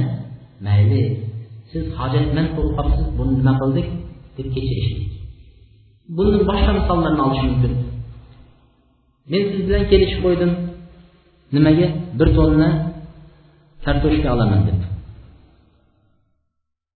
Lafz qilib kelishib ketdim narxlashib savdolashib uyga borsam akam bir joyga olib kelib qo'ygan bir tonna kartoshka. Men qaytib keldimda birodar endi hozir endi hojat yo'q siznikini ham olib borib nima qilaman? Olib qo'yibsiz deyman. Shuning uchun aytishadiki al iqola ikki holatda nima bo'ladi? Yoki o'sha narsani sotishga sotib olayotgan odam. Sotib olishga mablag'i yetmay qoladi yoki shu narsaga hojati bo'lmay qoladi. Shu ikki holatda kechirib yuboring desa kechirib yuborish kerak deydi. Sotayotgan odam ham xuddi shunday. Majbur bo'lib turib sotayotgan bo'ladi yoki bo'lmasa o'sha mablag' boshqalardan kelganligi sababli sotmasligi mumkin al iqola shu. Payg'ambar sallallohu alayhi vasallam aytdiki man aqala musliman aqalahullohu asratahu yawmal qiyamah. Kim bir musulmonni savdosidan voz kechib bersa mayli oramizda savdo bo'lgan edi mayli men kechib yubordim.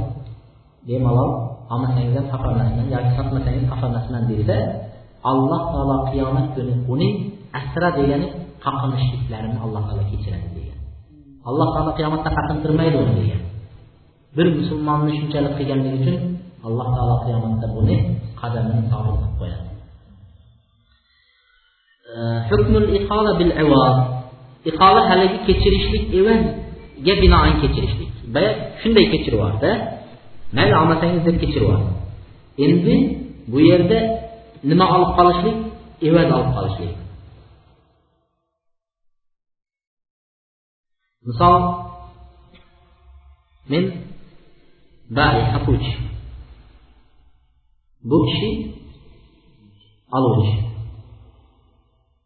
bu kishi menga mashinasini sotdi ikki yarim ming dollarga. Keyin bu oluvchi bu oluvchi bo'lsa mendan mashinani olib ketdi olib ketdida ertasiga qaytib keldida birodar. Mashina hozir menga hojati yo'q shekilli. Menga pulimni bersangiz ishlatib tursin dedi. Bu ikki yarim ming bergan. Men bundan mashinani olamanda bunga ikki yarim emas ikki ming to'rt yuz beraman. Yuz dollarni ushlab qolgan shu durustmi durust emasmi deyishdi. Haligi birinchi masalamizda shunday kechirib olsa degandiga shunday berib olsa bu masalada shunday qilsa bo'ladimi yo'qmi deydi. Ulamolarni ba'zilari aytishganki bunda ikkita ixtilof bor deydi ikkita gap bor deydi. Birinchisi bu shunday qiladigan bo'lsa durust emas degan. U olayotgan odam nimani evaziga haligini pulni yeyapti bu ribo degan. Ribo degani menga yuz dirham yoki dinor berib turib keyin men unga to'qson to'qqiz qilib qaytarganga o'xshagan bu kishi deydi nima qildi deydi? E, mashinani mendan olib ketdi ikki ming ikki yarim mingni berdi. Ertasi qaytarib olib kelganda men ikki ming to'rt yuz berib yuz dollarni ushlab qolyapman buni nimani evaziga yeyapti bu dedi bu botil deyishdi bir ulamolar sizlar nima deysizlar ulamolarni nimasiga fikr qo'shyaptilarmi yo'qmi ha ha alloh razi bo'lsin ikkinchi ulamolar aytishadiki yo'q shu narsani yuz dollarni ushlab qolishligi joiz deyishyapti. Nima uchun joiz desa men shu narsani sotgan vaqtimda boshqa odamlar ham meni mashinamga qiziqib turishgan edi. Meni mashinamni qaytarib olib kelib bergandan keyin hamma odamlar buni mashinasida bir narsa bor bekor bekor qaytarmadi deb nima? Odamlar o'sha sotib oladigan mushtariylar amal bo'ladi. Mashinani narxi tushib ketadi. Shuni evaziga haligini ushlab qolsa bo'ladi deydi. Tushunarli bo'ldi tushunarli. Tushunarli bo'lsa allohga shukur ulamolar aytishgan ekanki mana shunisi durustroq degan ekan. Agar olloh uchun haliginday kechirib yuborsangiz alloh taolo qiyomatda sizni nima qiladi? Jannatga qadamlaringizni mustahkam qiladi. Lekin zarar ko'rayotgan vaqtingizda bu ham zararlanmasin deb turib o'sha ozgina mablag'dan ushlab qolishligi durust deyishgan ekan. Ko'p ushlab olib unga zulm yetkazib qo'ymas kerak.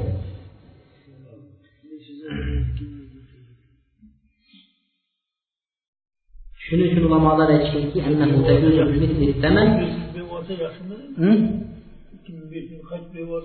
eng afzali shuni taman degani olgan pulini qaytarib berishlik eng afzali deyishyapti yoki undan ko'proq yoki undan ozroq olib qolsa bo'laveradi deydi bizlar hozir ikkalasini aytdikda shuning uchun fiq masalalaridan bizlar dars yurgizinglar dars yurgizinglar deyapti fiq masalani yurgizmayotganimiz ko'p odam tushunmaydida keyin ko'p odam uxlab qoladi fiq aytayotganda o'zi asli fiq masalalarini o'rganishimiz kerak hozir mana alloh rozi bo'lsin birinchi fiq masalasini izzatdan so'radi.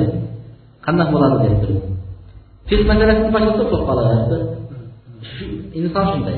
Shuning uchun biz o'zimiz ham shayxlarni o'qigan vaqtimizda fiqni gapiga odamni odam uyqusi lekin haligi amri ma'ruf qilib e, nima qilib tursa odam sal uyqusi ochilib turadi. U narsalar bo'lishi kerak payg'ambar sallallohu alayhi vasallam o'rni o'rniga qarab nima qilgan? Da'vatdan bo'lgan suhbatdan bo'lgan fiq mana shu masalalarni hammasi qayerdan kelib chiqyapti.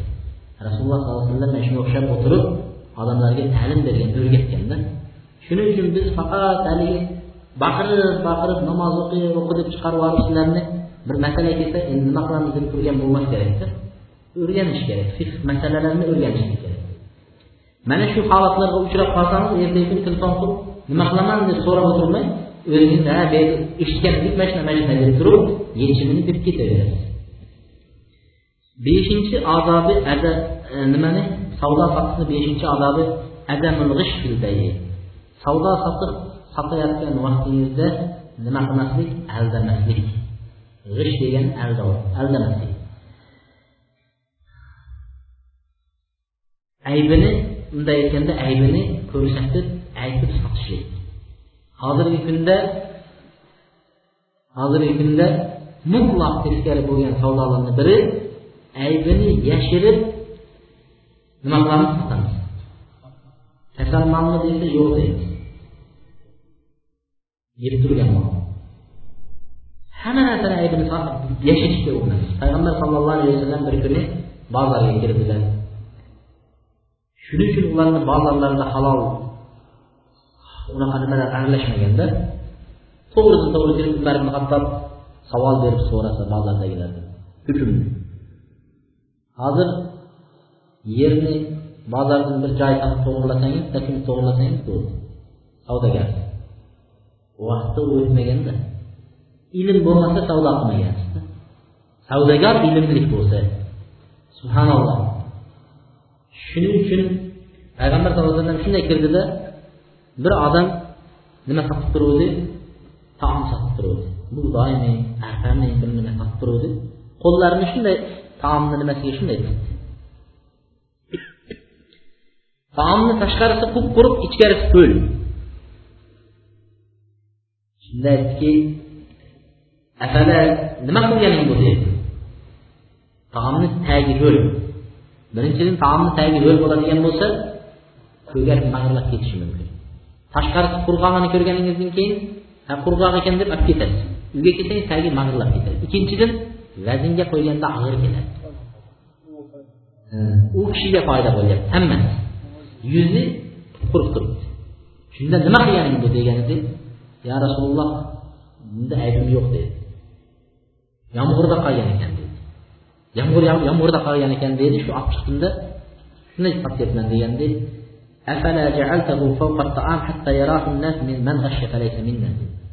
shu ho'lini yuziga chiqarib qo'ymadingmi dedi. Odamlar ko'rishligi uchun dedi. Xohlagan odam ho'l bo'lsa ham oladi boshqa bo'lsa ham oladi yoki sal arzonroq narx qilsang oladi dedi kim aldasa bizni ummatimizdan emas dedi haligi odamga bitta shunchalik qilganiga nima qildi payg'ambar sallallohu alayhi vasallam qaytardilar aybni o'sha sil'adagi sotayotgan narsadagi aybni aybni sotishlik bu omonatdan hisoblanadi. Aybni yashirish yashirgan bo'lsa كان للمشتري حق أن يطالب بإعادتها أو طلب تخفيفها. aybni yashirib sotganlarni nimalarda o'tamiz hozir bu xiyor degan keyingi odob oltinchi odobi oltinchi odobi savdo sotiqni oltinchi odobi eng kerak odob bu juda ko'p uchraydigan odoblardan biri al xiyar deydi ixtiyor bo'lish ixtiyor ixtiyor qachon bo'ladi ixtiyorda bo'lish kerak ixtiyor berishlik islom shariatini eng go'zal namunalik bizani shariatimizni odamlarga ko'rsatib berayotgan nimasi shu ixtiyor berishligida savdo sotiqda sotayotgan odamga ham sotib olayotgan odamga ixtiyor qo'ygan. Masalan bir odam shoshib molni fikr qilmay o'ylamay olib qo'ydi. Tovarni o'ylamay olib qo'ydi. Keyin olganidan keyin nima qildi? Sotuvchi odam yo sotayotgan odam sotib olayotgan odam afsuslandi shu vaqtda ixtiyor beriladi ixtiyor bir necha qismdan iborat bo'ladi. Ixtiyor bir necha qismdan iborat bo'ladi. Biz birinchi qismini aytamiz. Birinchisi xiyorul majlis. Majlisda ixtiyor beriladi misol men aytdim meni uyimda nima bor dedim. O'n bosh qo'y bor dedi. Bir kishi yonimdagi kishi aytdi men shu qo'ylarni men olsam dedi. Yoshini kilosini vaznini va uni sifatlarini so'radida shu qo'yni savdolashdik biz ixtiyorda bo'lamiz men aytaman sizga sotmayman deyman. Yoki bu narxga sotmayman deyman. Yoki olayotgan odam men u qo'yni olmaydigan bo'ldim deydi misol. Hozir savdolashib ikkimiz o'tirib savdolashdik ikki soat shu majlisda o'tirgan bo'lsak bizlar hali bir birimizdan men uyimga u uyga ketmasdan avval yoki ko'chaga chiqqandan keyin bo'lsa ham deyishadi ba'zilar. Ixtiyor degani majlisni o'zi emas birga yurgan vaqtini ham aytish kerak. Ikkisi shu majlisda kelishib ikkisi chiqishib ikkisi birga bozorga borgan bo'lsa misol. Bozorni ko'rdik ikkalamiz birga yuribmiz hali ajramadik. Bozorni ko'rgandan keyin men aynasam bo'laverar ekan. Yoki u odam men sotmayman deb aynasa bo'laveradi ixtiyor tushunarlimi? Majlisni ixtiyor degani ikki odam savdoni boshladida ikkisi keyin nima qilishdi? Ajragan vaqtida ixtiyor tugaydi. Savdolashib qo'yib ketganimdan keyin ertasi kelib turib men aynadim desa bo'lmaydi. Mana shu nimada? Ikkinchi nimasi payg'ambar sallallohu alayhi vasallam bunga dalil aytadiki ikki savdo sotib olayotgan va sotuvchi odam ixtiyorda bo'ladi modomiki ikkisi ajrashib ketmagan bo'lsa deydi. Ikkalasi bir biri uyiga kelib qolmagan bo'lsa. Agar to'ppa to'g'ri gapirib va ayblarini aytib bayon qilgan bo'lsa ikkalasini savdosiga barakat beriladi. Agar kaziba muhafat barakat agar yashirsa yolg'on gapirgan bo'lsa ayblarini yashirib yolg'on gapirgan bo'lsa bundan ikkalasini savdosida barakalar o'chirilib tashlanadi deydi. Demak yolg'on bilan savdo qilgan savdolar barakasiz bo'ladi. Keyingi nima? Ixtiyor. Ixtiyor bir necha qism bo'ladi dediku ixtiyor xiyar shart. shart qilish ixtiyorida deydi shart bilan bo'ladi.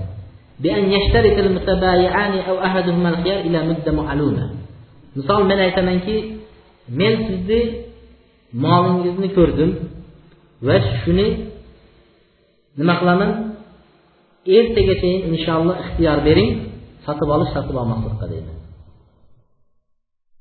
Ertagacha yoki bo'lmasa biz kelishib ketdikda aytamanki ertaga olmasam demak aqd buziladi deyman. Shart qilaman. Ertaga. Lekin shart o'sha ixtiyorda berayotgan shartingiz vaqti ma'lum bo'lishi kerak deydi. Shart man shuni bir olaman deb qo'ysangiz vaqtini aytmagan bo'lsangiz misol. Ulamolar aytadi uzum bo'lsa deydi. Uzumga uzoq muddat berishlik bo'lmaydi deyishadi.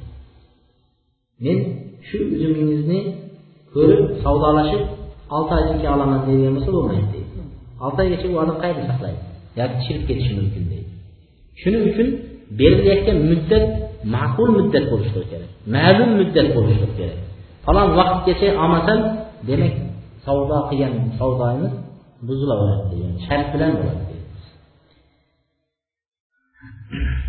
بعت عليك هذه السيارة بكذا ولي الخيار أسبوع deyishadi masalan men shu mashinani sizga falon narxda sotdim va bir hafta menga muhlat bering deyiladi bir hafta ichida nima qilsa aynasan yo men aynashim mumkin yo bo'lmasa sotib olayotgan odam nima bo'lishi mumkin. Ixtiyorda shart. Uchinchisi xiyorul g'obin deydi. G'obin aldanib qolgan vaqtdagi ixtiyor deydi. Aldanib qolgan vaqtdagi ixtiyor.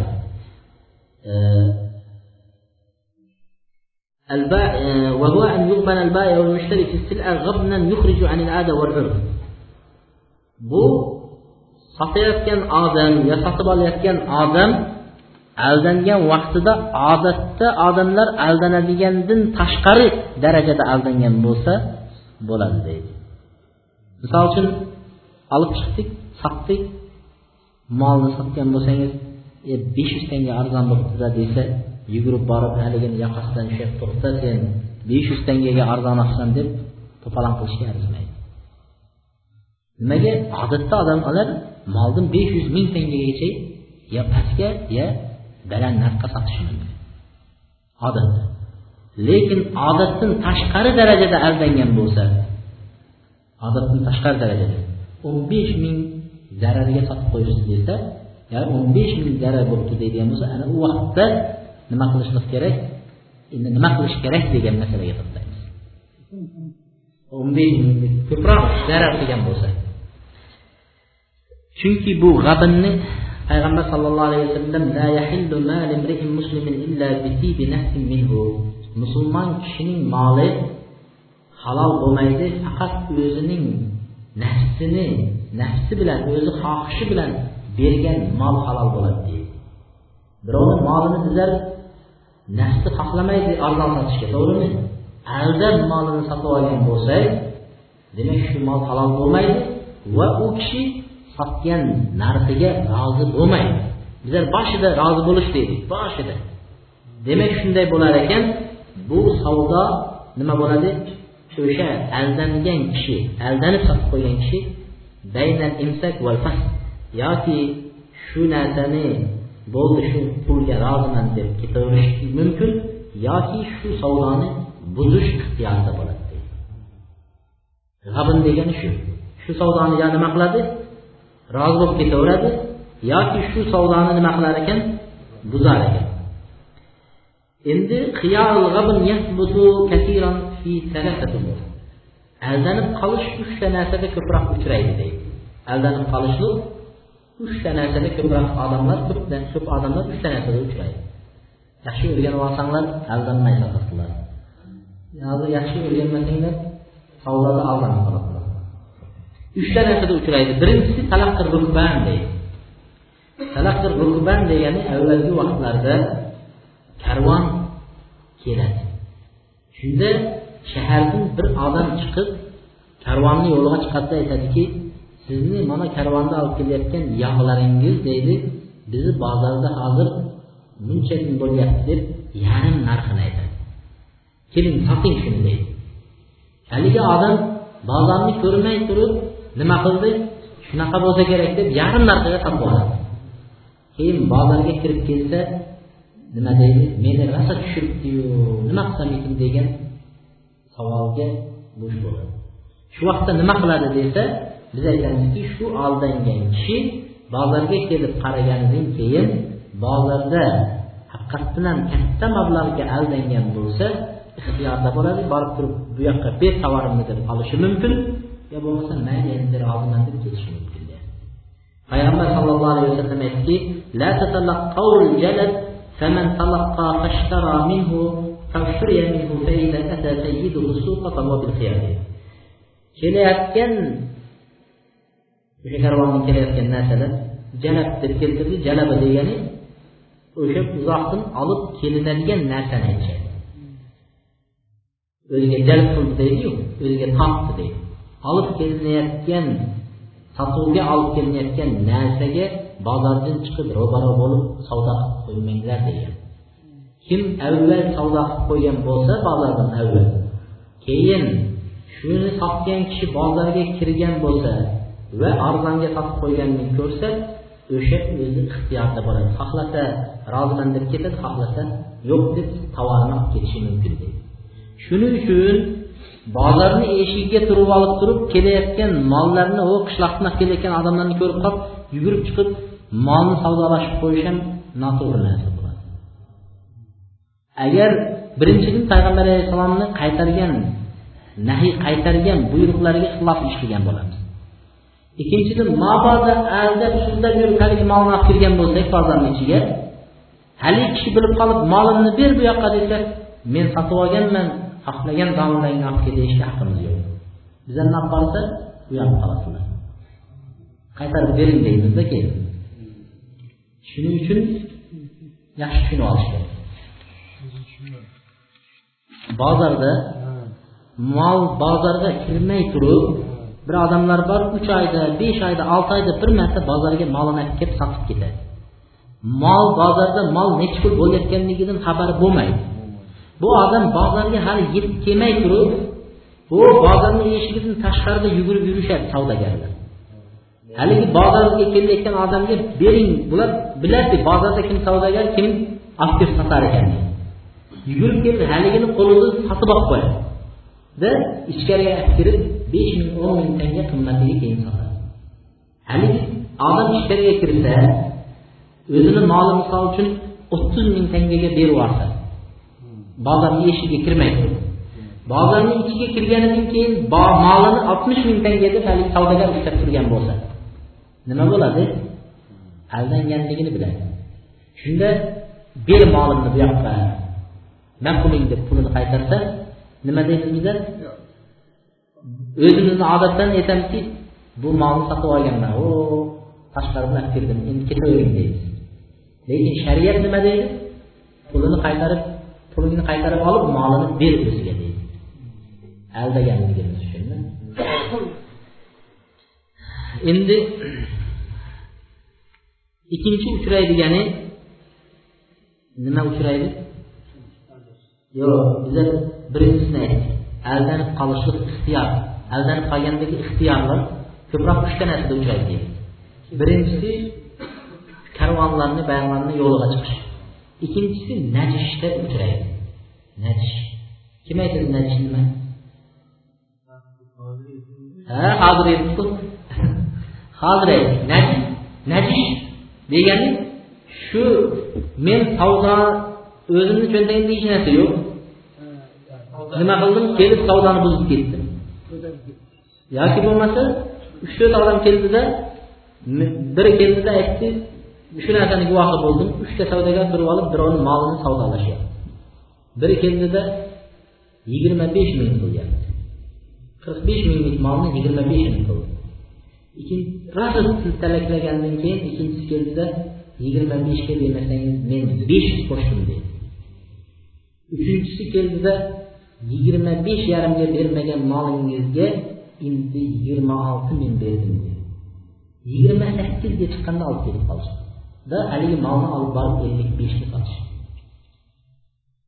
haligi odam savdo qilayotganda bu uchalasi to'rtalasi bir savdogarlar haligi odam o'yladiki mani molim shu yigirma besh yigirma sakkizni atrofida ekan deb o'yladi. Sotib oldi. Tushundinglar shu vaqtda haligi odam endi bozor aylanib bozorda qarasa o'zini molini ellik beshga sotayotganligini ko'rganda kelib turib to'xtanglar bu meni molim men aldandim shu yerda. Sen uchalang meni najish qildilaring deb molni tortib olishga haqqi bor. Molni egasi shuning uchun savdogarmiz deb turib bir tushganda yigirma ming urib chiqyapman deyish noto'g'ri bo'ladi.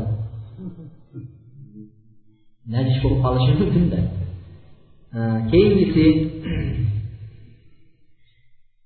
vala tanajashu tanajashu deb payg'ambar alayhissalom bir hadisda najish qilmanglar aldab qo'ymanglar shunaqa qilib degan hadislarga binoan shuni qilishni buyursanlar uchinchisi nimani uchinchisi aldanib qolgan vaqtda ixtiyorni uchinchisi ko'proq aldab aldanadigan kishilarniki al mustarsil deydi mustarsil kim mustarsil qiymat nechi pul bo'layotganini bolalarda qiymatini bilmaydigan yoki qachon sotadigan yo sotib oladigan bo'lsa sotuvchini gapiga ishonib qoladigan bir mo'min bechora bozorda ba'zi odamlar nechtasi qachon borsam arzon sotib kelaman qachon olsam qimmatga olaman deydi. Mana shu bechora qachon shunaqa bo'lib qoladigan bo'lsa u juda katta mablag'ga aldanib qolgan vaqtida. Qaytarib olishlik ixtiyori bor. Yoki sotganda ham shunday. Ho'p biz ixtiyorlar haqida gaplashyapmiz nega xiyor deb boshida boshladiku bizlar qayslarni aytdik xiyorul majlis. Majlisdagi ixtiyor deydik ikkinchisi qaysini aytdik ixtiyor shart deydik uchinchisi g'abn aldanib qolishda ixtiyor. To'rtinchisi xiyorat tadlil deydi. Tadlis bu ham nima qilishlik? Tadlif degan nimadir deganda tadlif degani sotayotgan narsani tovarni aybini aytmay yashirib sotishlik. Yoki uni chiroyli tarafini ko'rsatib nima tarafini? Yomon tarafini yashirishlik tadlis deydi. Bir kishini hammamiz bilamiz o'zi mol topganini ko'ring aylanib ko'ring buyog'ini ko'ring bag'rini ko'ring o'zi ham ko'r o'zi ko'r o'zi ko'ring deb ko'r ko'r deb aytavergan ekan. Haligini olib ketganidan keyin uyga borsa haqiqatni ekanda olib kelib ko'r desa men ko'r dedimu deb. Buyog'i ko'r buyog'i ko'r aylanib ko'r ko'r dedimu deb. Ana shu tadbir yashirib ana qilib hamallab sotib olishlik. Shu bunga yana misol keltirishadi ulamolar. Ko'proq misol labanil musarrof deb keltiradi fiq masalalarida labanil musarrof shu bozorga kelayotgan sigirlarni ko'rsangiz qo'rqib ketasiz endi. Ikkichalak uch chalak sut beradigan sigir keladi ikki kun sog'maydi yaxshilab ovqatlantiradi yemlarni berib bozorga chiqadi haligini yennini ko'rganingizdan keyin sutlari tamib turganini ko'rganingizdan keyin bu sog'masa ham chelak bo'ladigan sigir ekan deb uyga olib ketasiz. Uyga olib kelib birinchi kuni solsangiz hali aytgandek ikki chelak chiqdi ikkinchi kuni solsangiz bir piyola chiqadi. Endi nima qilasiz o'shanda siz tadlis o'sha yerda aldandingiz o'shani shunday ko'rsatdi yaxshi tarafini ko'rsatdi yomon tarafini yashirdi. Tadlis shu shunday qilgan odamlar nima qiladi nima qiladi unday qilgan odamlarni payg'ambar sallallohu alayhi vasallam aytdi la tasarru la tusarru al ibl wal ghanam faman ibta'aha fa huwa bi khayrin nadirayn بعد أن يحلبها إن شاء أمسك وإن شاء ردها وسع من ثمره tog'lardan tuyalarni qo'ylarni nima qilmanglar yerni yennini dedi sog'masdan haligini ikki kun uch kun sog'may yenni bilan olib chiqib sotmanglar deydi kim shundayni sotib olsa keyin uyga olib kelgandan keyin sog'sa dedi. O'sha o'zi o'ylagan narsani xilofi bo'lib chiqsa aldanganligini bilsa u ikkita narsada ixtiyorda bo'ladi deydi xohlasa rozi bo'lib qolaveradi uyda boqib yuraveradi xohlamasa shu molni olib borib beradi pulini qaytarib oladi. Min tamir. Tamir dedi shu xurmodan bir so xurmo beradi dedi bir so xurmo ikki yarim kilo xurmo beradi dedi nimaga desa sutni birinchi kuni bir paqir sutni sotib nima sog'ib olganni evaziga bir so xurmo berib qo'yadi unga egasiga. Molini qaytarib berasiz va bir ikki yarim kilo nima berasiz? Xurmo berasiz o'sha sutni evaziga. Tushunarli endi xiyarul ayb deydi beshinchisi. Bizlar ixtiyorlar haqida gaplashyapmiz. Savdo sotiqdagi ixtiyorlarni beshinchisi aybi ko'rinib qolsa. Ayb ko'ringan vaqtda birodarga aybi bunaqa ekan desa darrov achchiqlanib ketmaslik kerak. Yoki sotayotgan birodar ham aslida shariat bo'yicha nima qilish kerak deyapmiz biz. Aybini aytib sotish kerak. Agar bir narsada shu aybini aytmagan bo'lsa u kishi nima qiladi? Biz mashinani olgan vaqtimizda bir birodardan oldik. U kishi aytdiki mashinani dedi nimalarni aytdiki? Yog'i dedi kamayapti dedi. Shuni o'sha salnik deydimi nima deydi? Shunisini alishtirsangiz bo'ldi. Mana shu e, nimasini ham olib qo'yganmiz deydi. Zapchasini biz shu birodarni gapiga binoan mashinani oldik va bir ustaga olib borib berdik. Bu usta alishtirdi. Yog'ni quyib ellik kilometr yurmasdan bir tomchi yog' qolmadi motorda. Haligi birodarni chaqirib birodar siz aytgan ishni barini qildik. Almashtir deganingiz almashtirdik lekin mashina shunday ekan desak achchiqlari chiqib sizda ixtiyor yo'q mashinani qaytarish kerak. Sizda ixtiyor yo'q mashinani qaytarish chunki haligi majlis deydi ikkimiz birinchi aytdik majlis ajrashganmiz deyapti. Bu yoqdagi masalani nazarga olmayapti. Keyin aytdiki yo'q birodar bu yerda aybi bo'lgan vaqtida aybi yo aytib sotish kerak yoki aybini men bilgan vaqtimda menda ikkita ixtiyor bo'ladi. Ikkita ixtiyor. Birinchi ixtiyor o'sha olgan narsamni egasiga to'liq qaytarib beraman egasi menga pulimni to'liq qaytarib beradi bu birinchi ixtiyor mendagi. Men shu narsani talab qildim. Ikkinchi ixtiyor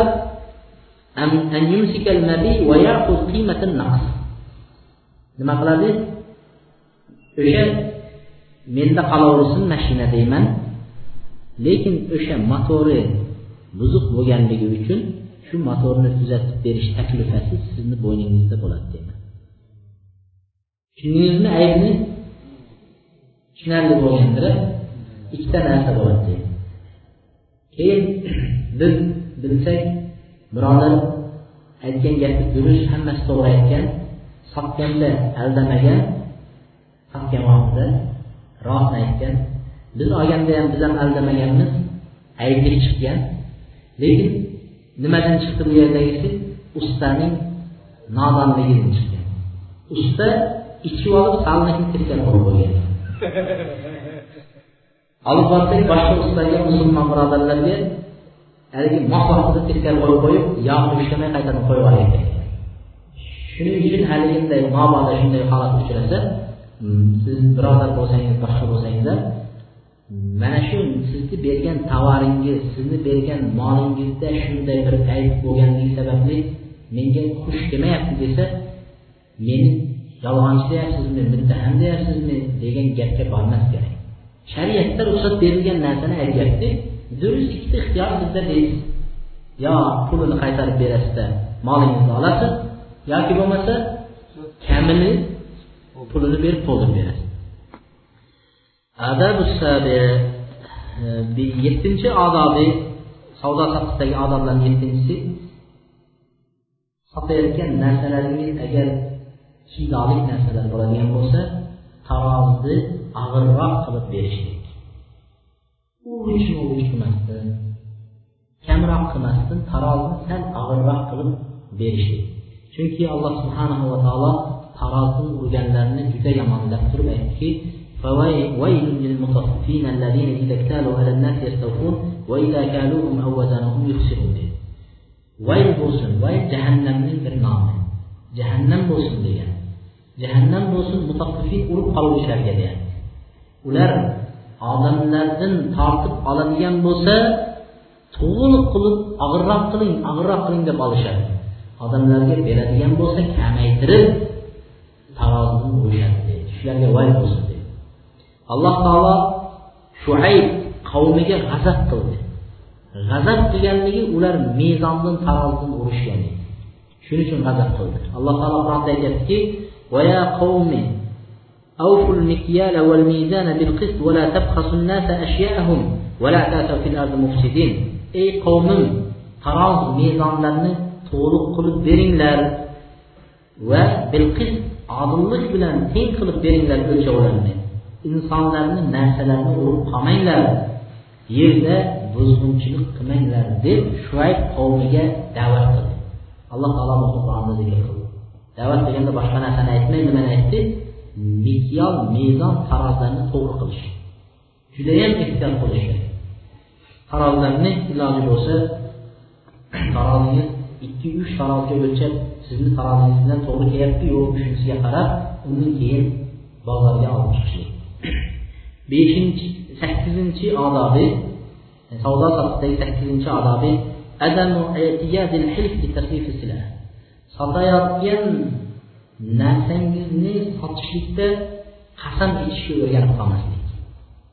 Qasam ichishga o'rganib qolmaslik.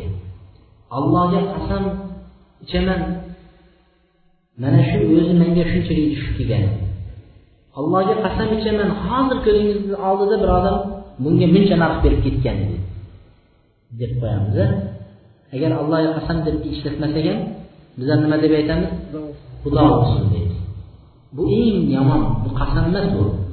Bu g'oybat o'zingizni zararingizga o'zingiz duo qilyapsiz. Alloh ursin xudo ursin xudo urgan odam bu dunyo bu dunyoda o'lmaydi shuning uchun bu kalimani umuman ishlatmas kerak. Bu qasam emas bu. Allohga qasam vallohi tallohi billahi mana bular qasam hisoblanadi. Ammo xudo ursin degani bu duoibat duoibat degani o'zini ziyoniga yomon duo qilish. Bu narsani mutlaq ishlatmaslik kerak. Payg'ambar sallallohu alayhi vasallam aytdilarki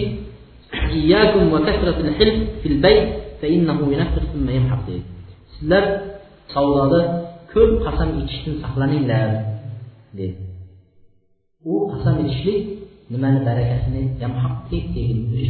teg savdodagi baraka. Qasam ichib sotilingan narsani barakasi kelib qoladi. Shuning uchun mirosingizni aytib nima qilinaverish kerak sotilmaverish kerak. Yana boshqa hadisda payg'ambar sallallohu alayhi vasallam aytdiki uch kishini qiyomat kunida alloh taolo ularga gapirmaydi ham ularga qaramaydi ham ularni qiyomatda poklamaydi alloh deydi. Bu uch kishini biri al musbil deydilar al musbil poychasini to'pig'ini pastga tushirib yurgan kishilar ikkinchisi mannan ozgina yaxshilik qilib qo'ysa ham minnat qilaveradigan kishi. Har nimada yaxshiligini aytaveradi. Haligi bir kishini aytib bergandiga bir joyga mikrofon qo'ygan ekan bir masjidga. Keyin shu qo'ygan kishi juda qattiq kasal bo'lib o'lim to'shagida yotibdi ekan og'ziga suv tomizib turibdi. Shunda masjidni jamoati aytdi kirib bir ziyorat qilib chiqaylik o'limidan oldin deb kirish asli xafa bo'lmang hammani oxirat oxiri shu bu dunyoda o'tamiz deyapsa haligi kishi zo'rg'a boshini ko'tarib masjidda mikrofon ishlab turibdimi debdi. Shuyam bir minnat bir nima qilib qo'yishlikda shu yerda ham bo'lmasa u vaqtda la ilaha illalloh deb mendan rozi bo'linglar deydigan vaqt. Lekin nima qilyapti? Bir minnat manman uchinchisi uchinchisi kim bo'ladi endi? Yolg'on qasam bilan tovarini o'tkazgan odam. Qiyomat kunida bular nima bo'ladi? Olloh qaramaydi ham gapirmaydi ham so'zlamaydi ham va poklamaydi yolg'on qasam bilan. Yolg'on qasam bilan hozir mana shu men sotayotgan tovaringizni aytasiz. Mashina bo'ladigan bo'lsa o'zingiz ikki yarimga sotmoqchi bo'lib turibsiz. Shu kelsa ikki yarimga shu o'ynab kulib sotib bir maza qilib ketsam deb turibsiz. Lekin birov kelsa aytasizki hozir uchga so'raganini bermadim deb qo'yasiz hozir uchga so'radi bermagin bermadim deysiz. Ko'rdingizmi? Yolg'on ishlab nima qilyapmiz ho'p to'qqizinchi odobi nimani?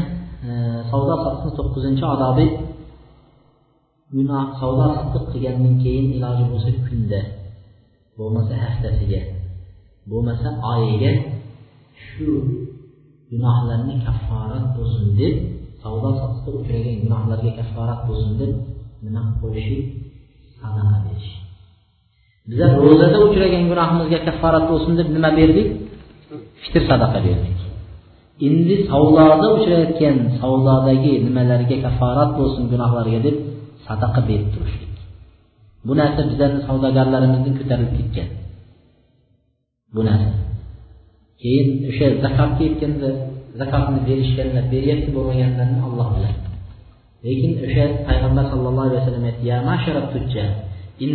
al-bay'a yahduruhu al-laghu wal-hilf bis-sadaqa.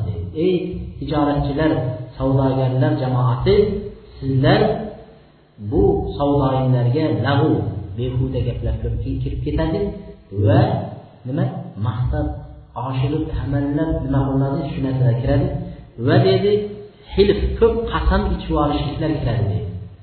Shuning uchun dedi sizlar uni sadaqa bilan deydi aralashtirib turinglar dedi. Sadaqa qilib berib tursanglar shuni gunohlarni yuvib turadi yana boshqa bir rivoyatlarda ya ma'shara tujjar inna shayton val ism yahduranil bay fashawwibu bay'akum bis sadaqa ey savdo savdogarlar jamoati sizlarning bu savdoinglarga shayton va gunohlar aralashib turadi deydi shu savdoinglarni sadaqa bilan aralashtirib gunohlarni kafforat qilib tursin deydi. O'ninchi odobi savdo sotiqdagi o'ninchi odobi. Bozorga kirgan vaqtida nima qilamiz duo o'qishlik o'zi aslida buni birinchi odobga qo'yishimiz kerak edi. Bizlar oxiriga qo'yyapmiz o'ninchi odobi bozorga kirganda duosini aytib kirishlik bozorga juda ko'p odamlar bozorni duosi bu yoqda tursin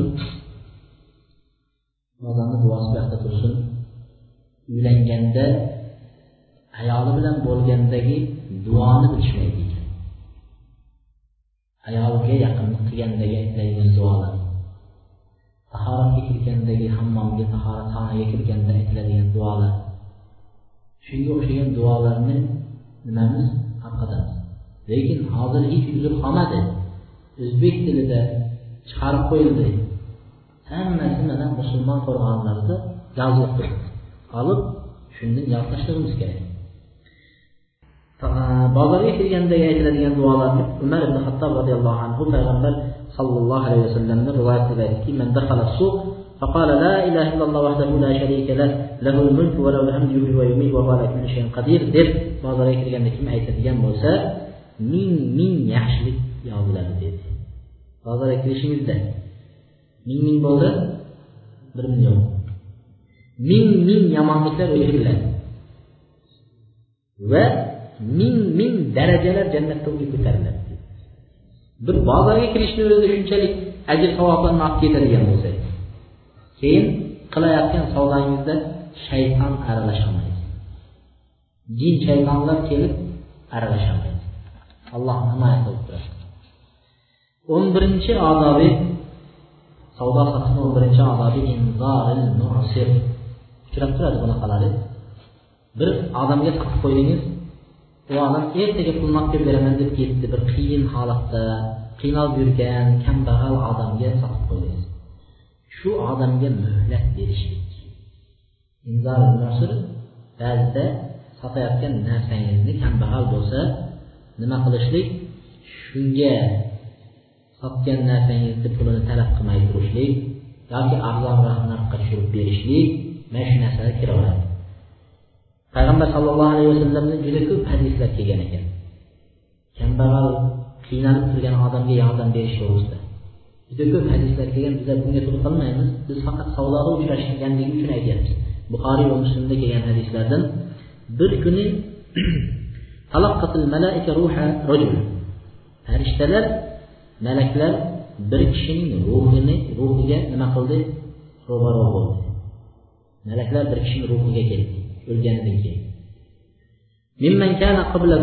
Avvalgi zamonda o'tgan bizani ummatdan avvalgi o'tgan ummatlarning birini ruhiga keldi. Yaxshilikni biror narsa qilganmisan hayotingda deb so'radi deydi hayotingda biror yaxshilik qilganmisan deydi u kishi yo'q dedi. Degan vaqtda o'ylab ko'r eslab ko'r dedi. Deganlarida aytdiki kuntu udayinun nas فآمر فتياني أن ينذروا المعصية men odamlarga qarz berardim va qarzlarni yig'ayotgan vaqtda haligi yigitlarimga qiynalib turgan odamlarni nima qilinglar vaqt muhlab beringlar ularni shoshirmanglar qarzni bugun olib ket erta olib ket ikki oyog'ini bir etikka tutqizib shoshirib qayerdan topsang shu yerdan topib kel degan narsa emas shuni qilardim dedi. Haligi kishilarim u kishini kechirib muhlat berib o'tib ketadi deganda alloh taolo aytdiki biz bandalarni kechirgan kishini gunohini kechirishga haqliroqmiz deb gunohlarini kechirib jannatga kirgizdi demak bu savdoda uchrab qolishligi ehtimoli bo'lganligi uchun qarzga sotilishligi yoki bo'lmasa shunday sotilgan vaqtlarda kambag'allar qiynalayotgan odamlarni muroat qilishlik o'n ikkinchi odobi biz shu bilan allohu alam to'xtaymiz. O'n ikkinchi odobi sotayotgan vaqtda kechirimli muloyim bo'lishlik. Kechirimli muloyim bo'lib savdo qilishlik. Aytadiki haligi bir tiyin uchun ushlab turib haligi nima qilmasligi qattiq ollohni qo'yib ollohni nimalarini qo'yib haligi savdo qilmaslik. Kechirimli bo'lishlik payg'ambar sallallohu alayhi vasallam aytadi alloh taolo bir kishiga rahm qilsin sotadigan bo'lsa ham nima? Sahlan yengil muloyim og'ir qattiq turib olib tirishib turib olmaydi. Olyapsa ham qattiq turib olib tirishib turib olmaydida yengil muloyim bo'lgan kishini alloh rahm qilsin. Bu payg'ambar alayhissalotu vassalomni duolari. Va ikkinchisida aytdiki alloh taolo sotayotganda va olayotganda muloyim bo'lgan kishini jannatga kirgizsin dedilar bu payg'ambar sallallohu alayhi vasallamni duolariga nima qiladi? Duolarni ichiga kirib ketadi. O'n o'n ikkinchi yoki o'n uchinchi odobi o'n uchinchi odobi assidq val amana rost gapirishlik va omonatdor bo'lishlik savdo sotiqda rost gapirib omonatdor bo'lishligi. Bu oxirgisi payg'ambar sallallohu alayhi vasallam aytdilarki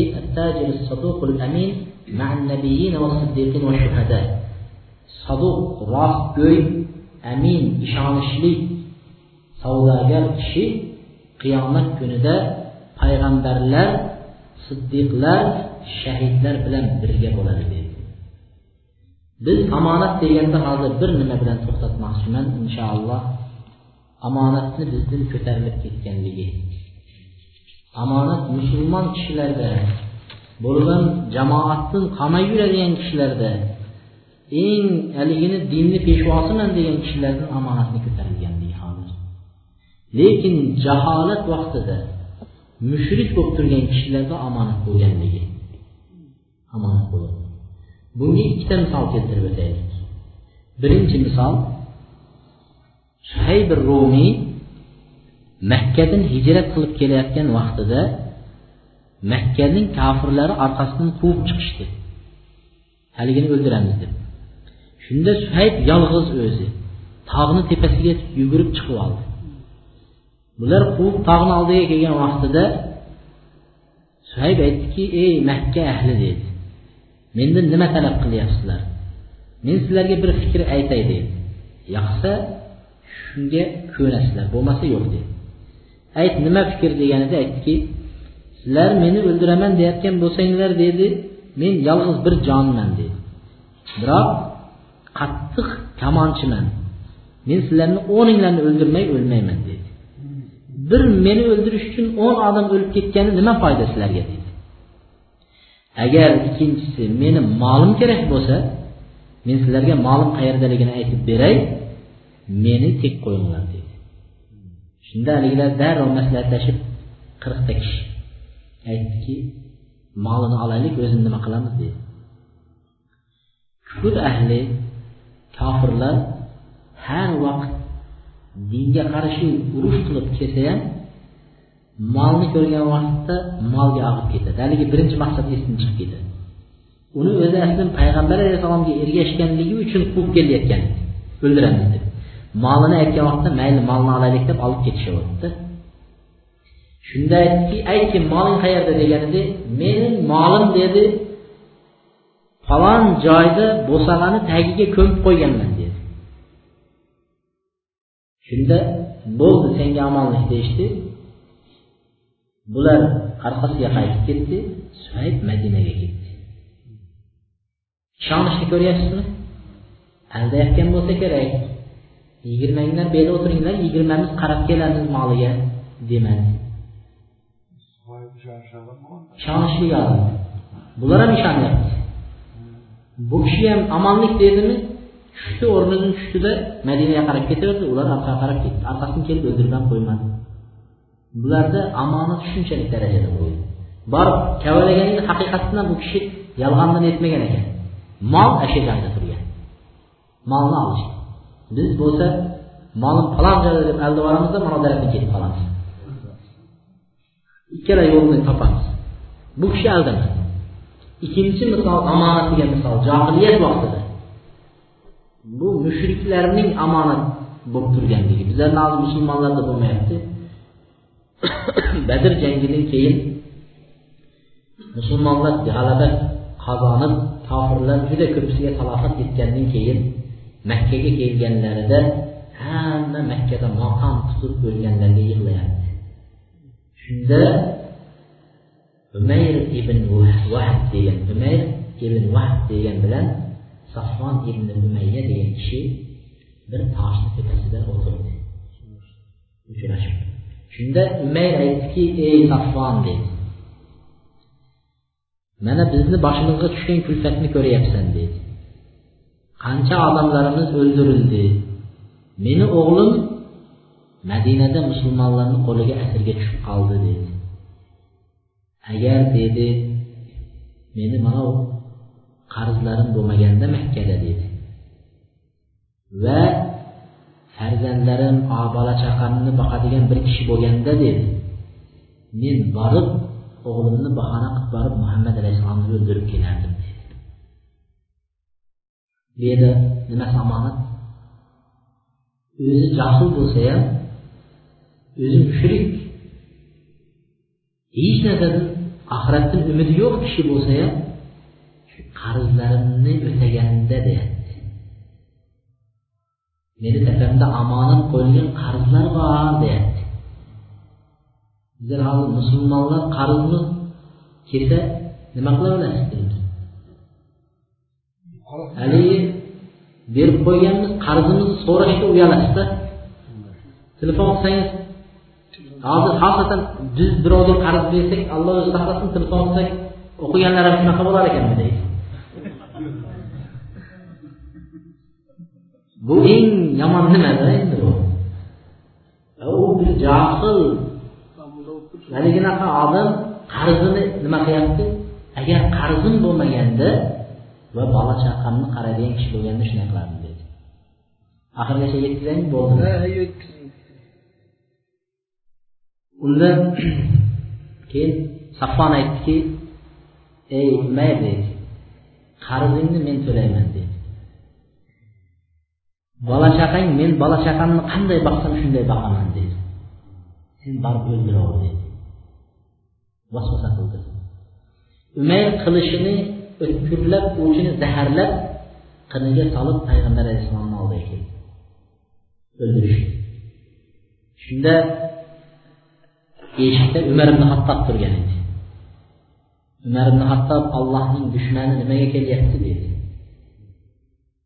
shunda kelganlarida mahkam qilichlarini nimasidan ushlab ko'tarib oldi.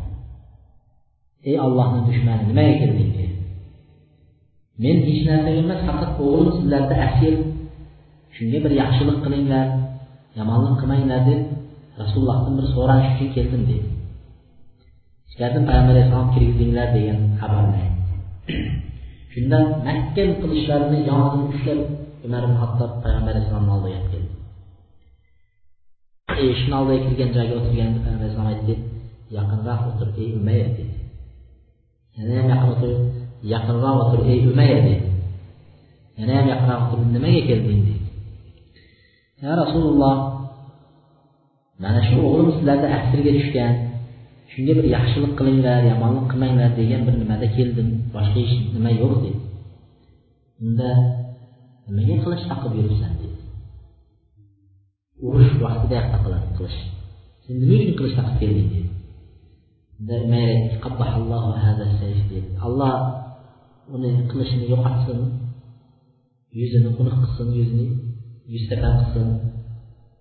Bu bizlarga deydi urushda ham foyda bermagan endi foyda berarmidi deydi deganida yolg'on gapiryapsan ey umar deydi payg'ambar alloh taolo vahiy yetkazib qo'ygan. Vahiy bilan aytib qo'ygan. Sen va safvon falon joyda o'tirib mana shunday mana shunday deding safvon seni qarzlaringni va oilangni kafillikka oldi sen meni o'ldirishga kelmadingmi dedi. Shunda umayr aytdiki allohga qasamki shu yerda safvon bilan mendan boshqa hech kim yo'q edi. Bu haqiqiy vahiy ekanligiga men iymon keltirib ashhadu an la ilaha illalloh va muhammad rasululloh. Islom qabul islomni qabul biz buni aytishimiz maqsad omonatga to'xtamoqchi edik. Jahiliyat vaqtidagi omonat bizni davrimizdagi ko'tarilib ketgan omonatlarga esa nima qilamiz ming afsus ming attang va yig'laydigan holatda o'tirib alloh subhanava taolodan mana bugungi aytilingan bay savdo sotiq haqida ba'zilariga to'xtadik hammasiga deyolmaymiz. Ba'zi bir odoblariga qisman to'xtadik shularni yetkazgan bo'ldik. Alloh taolo barchamizga shu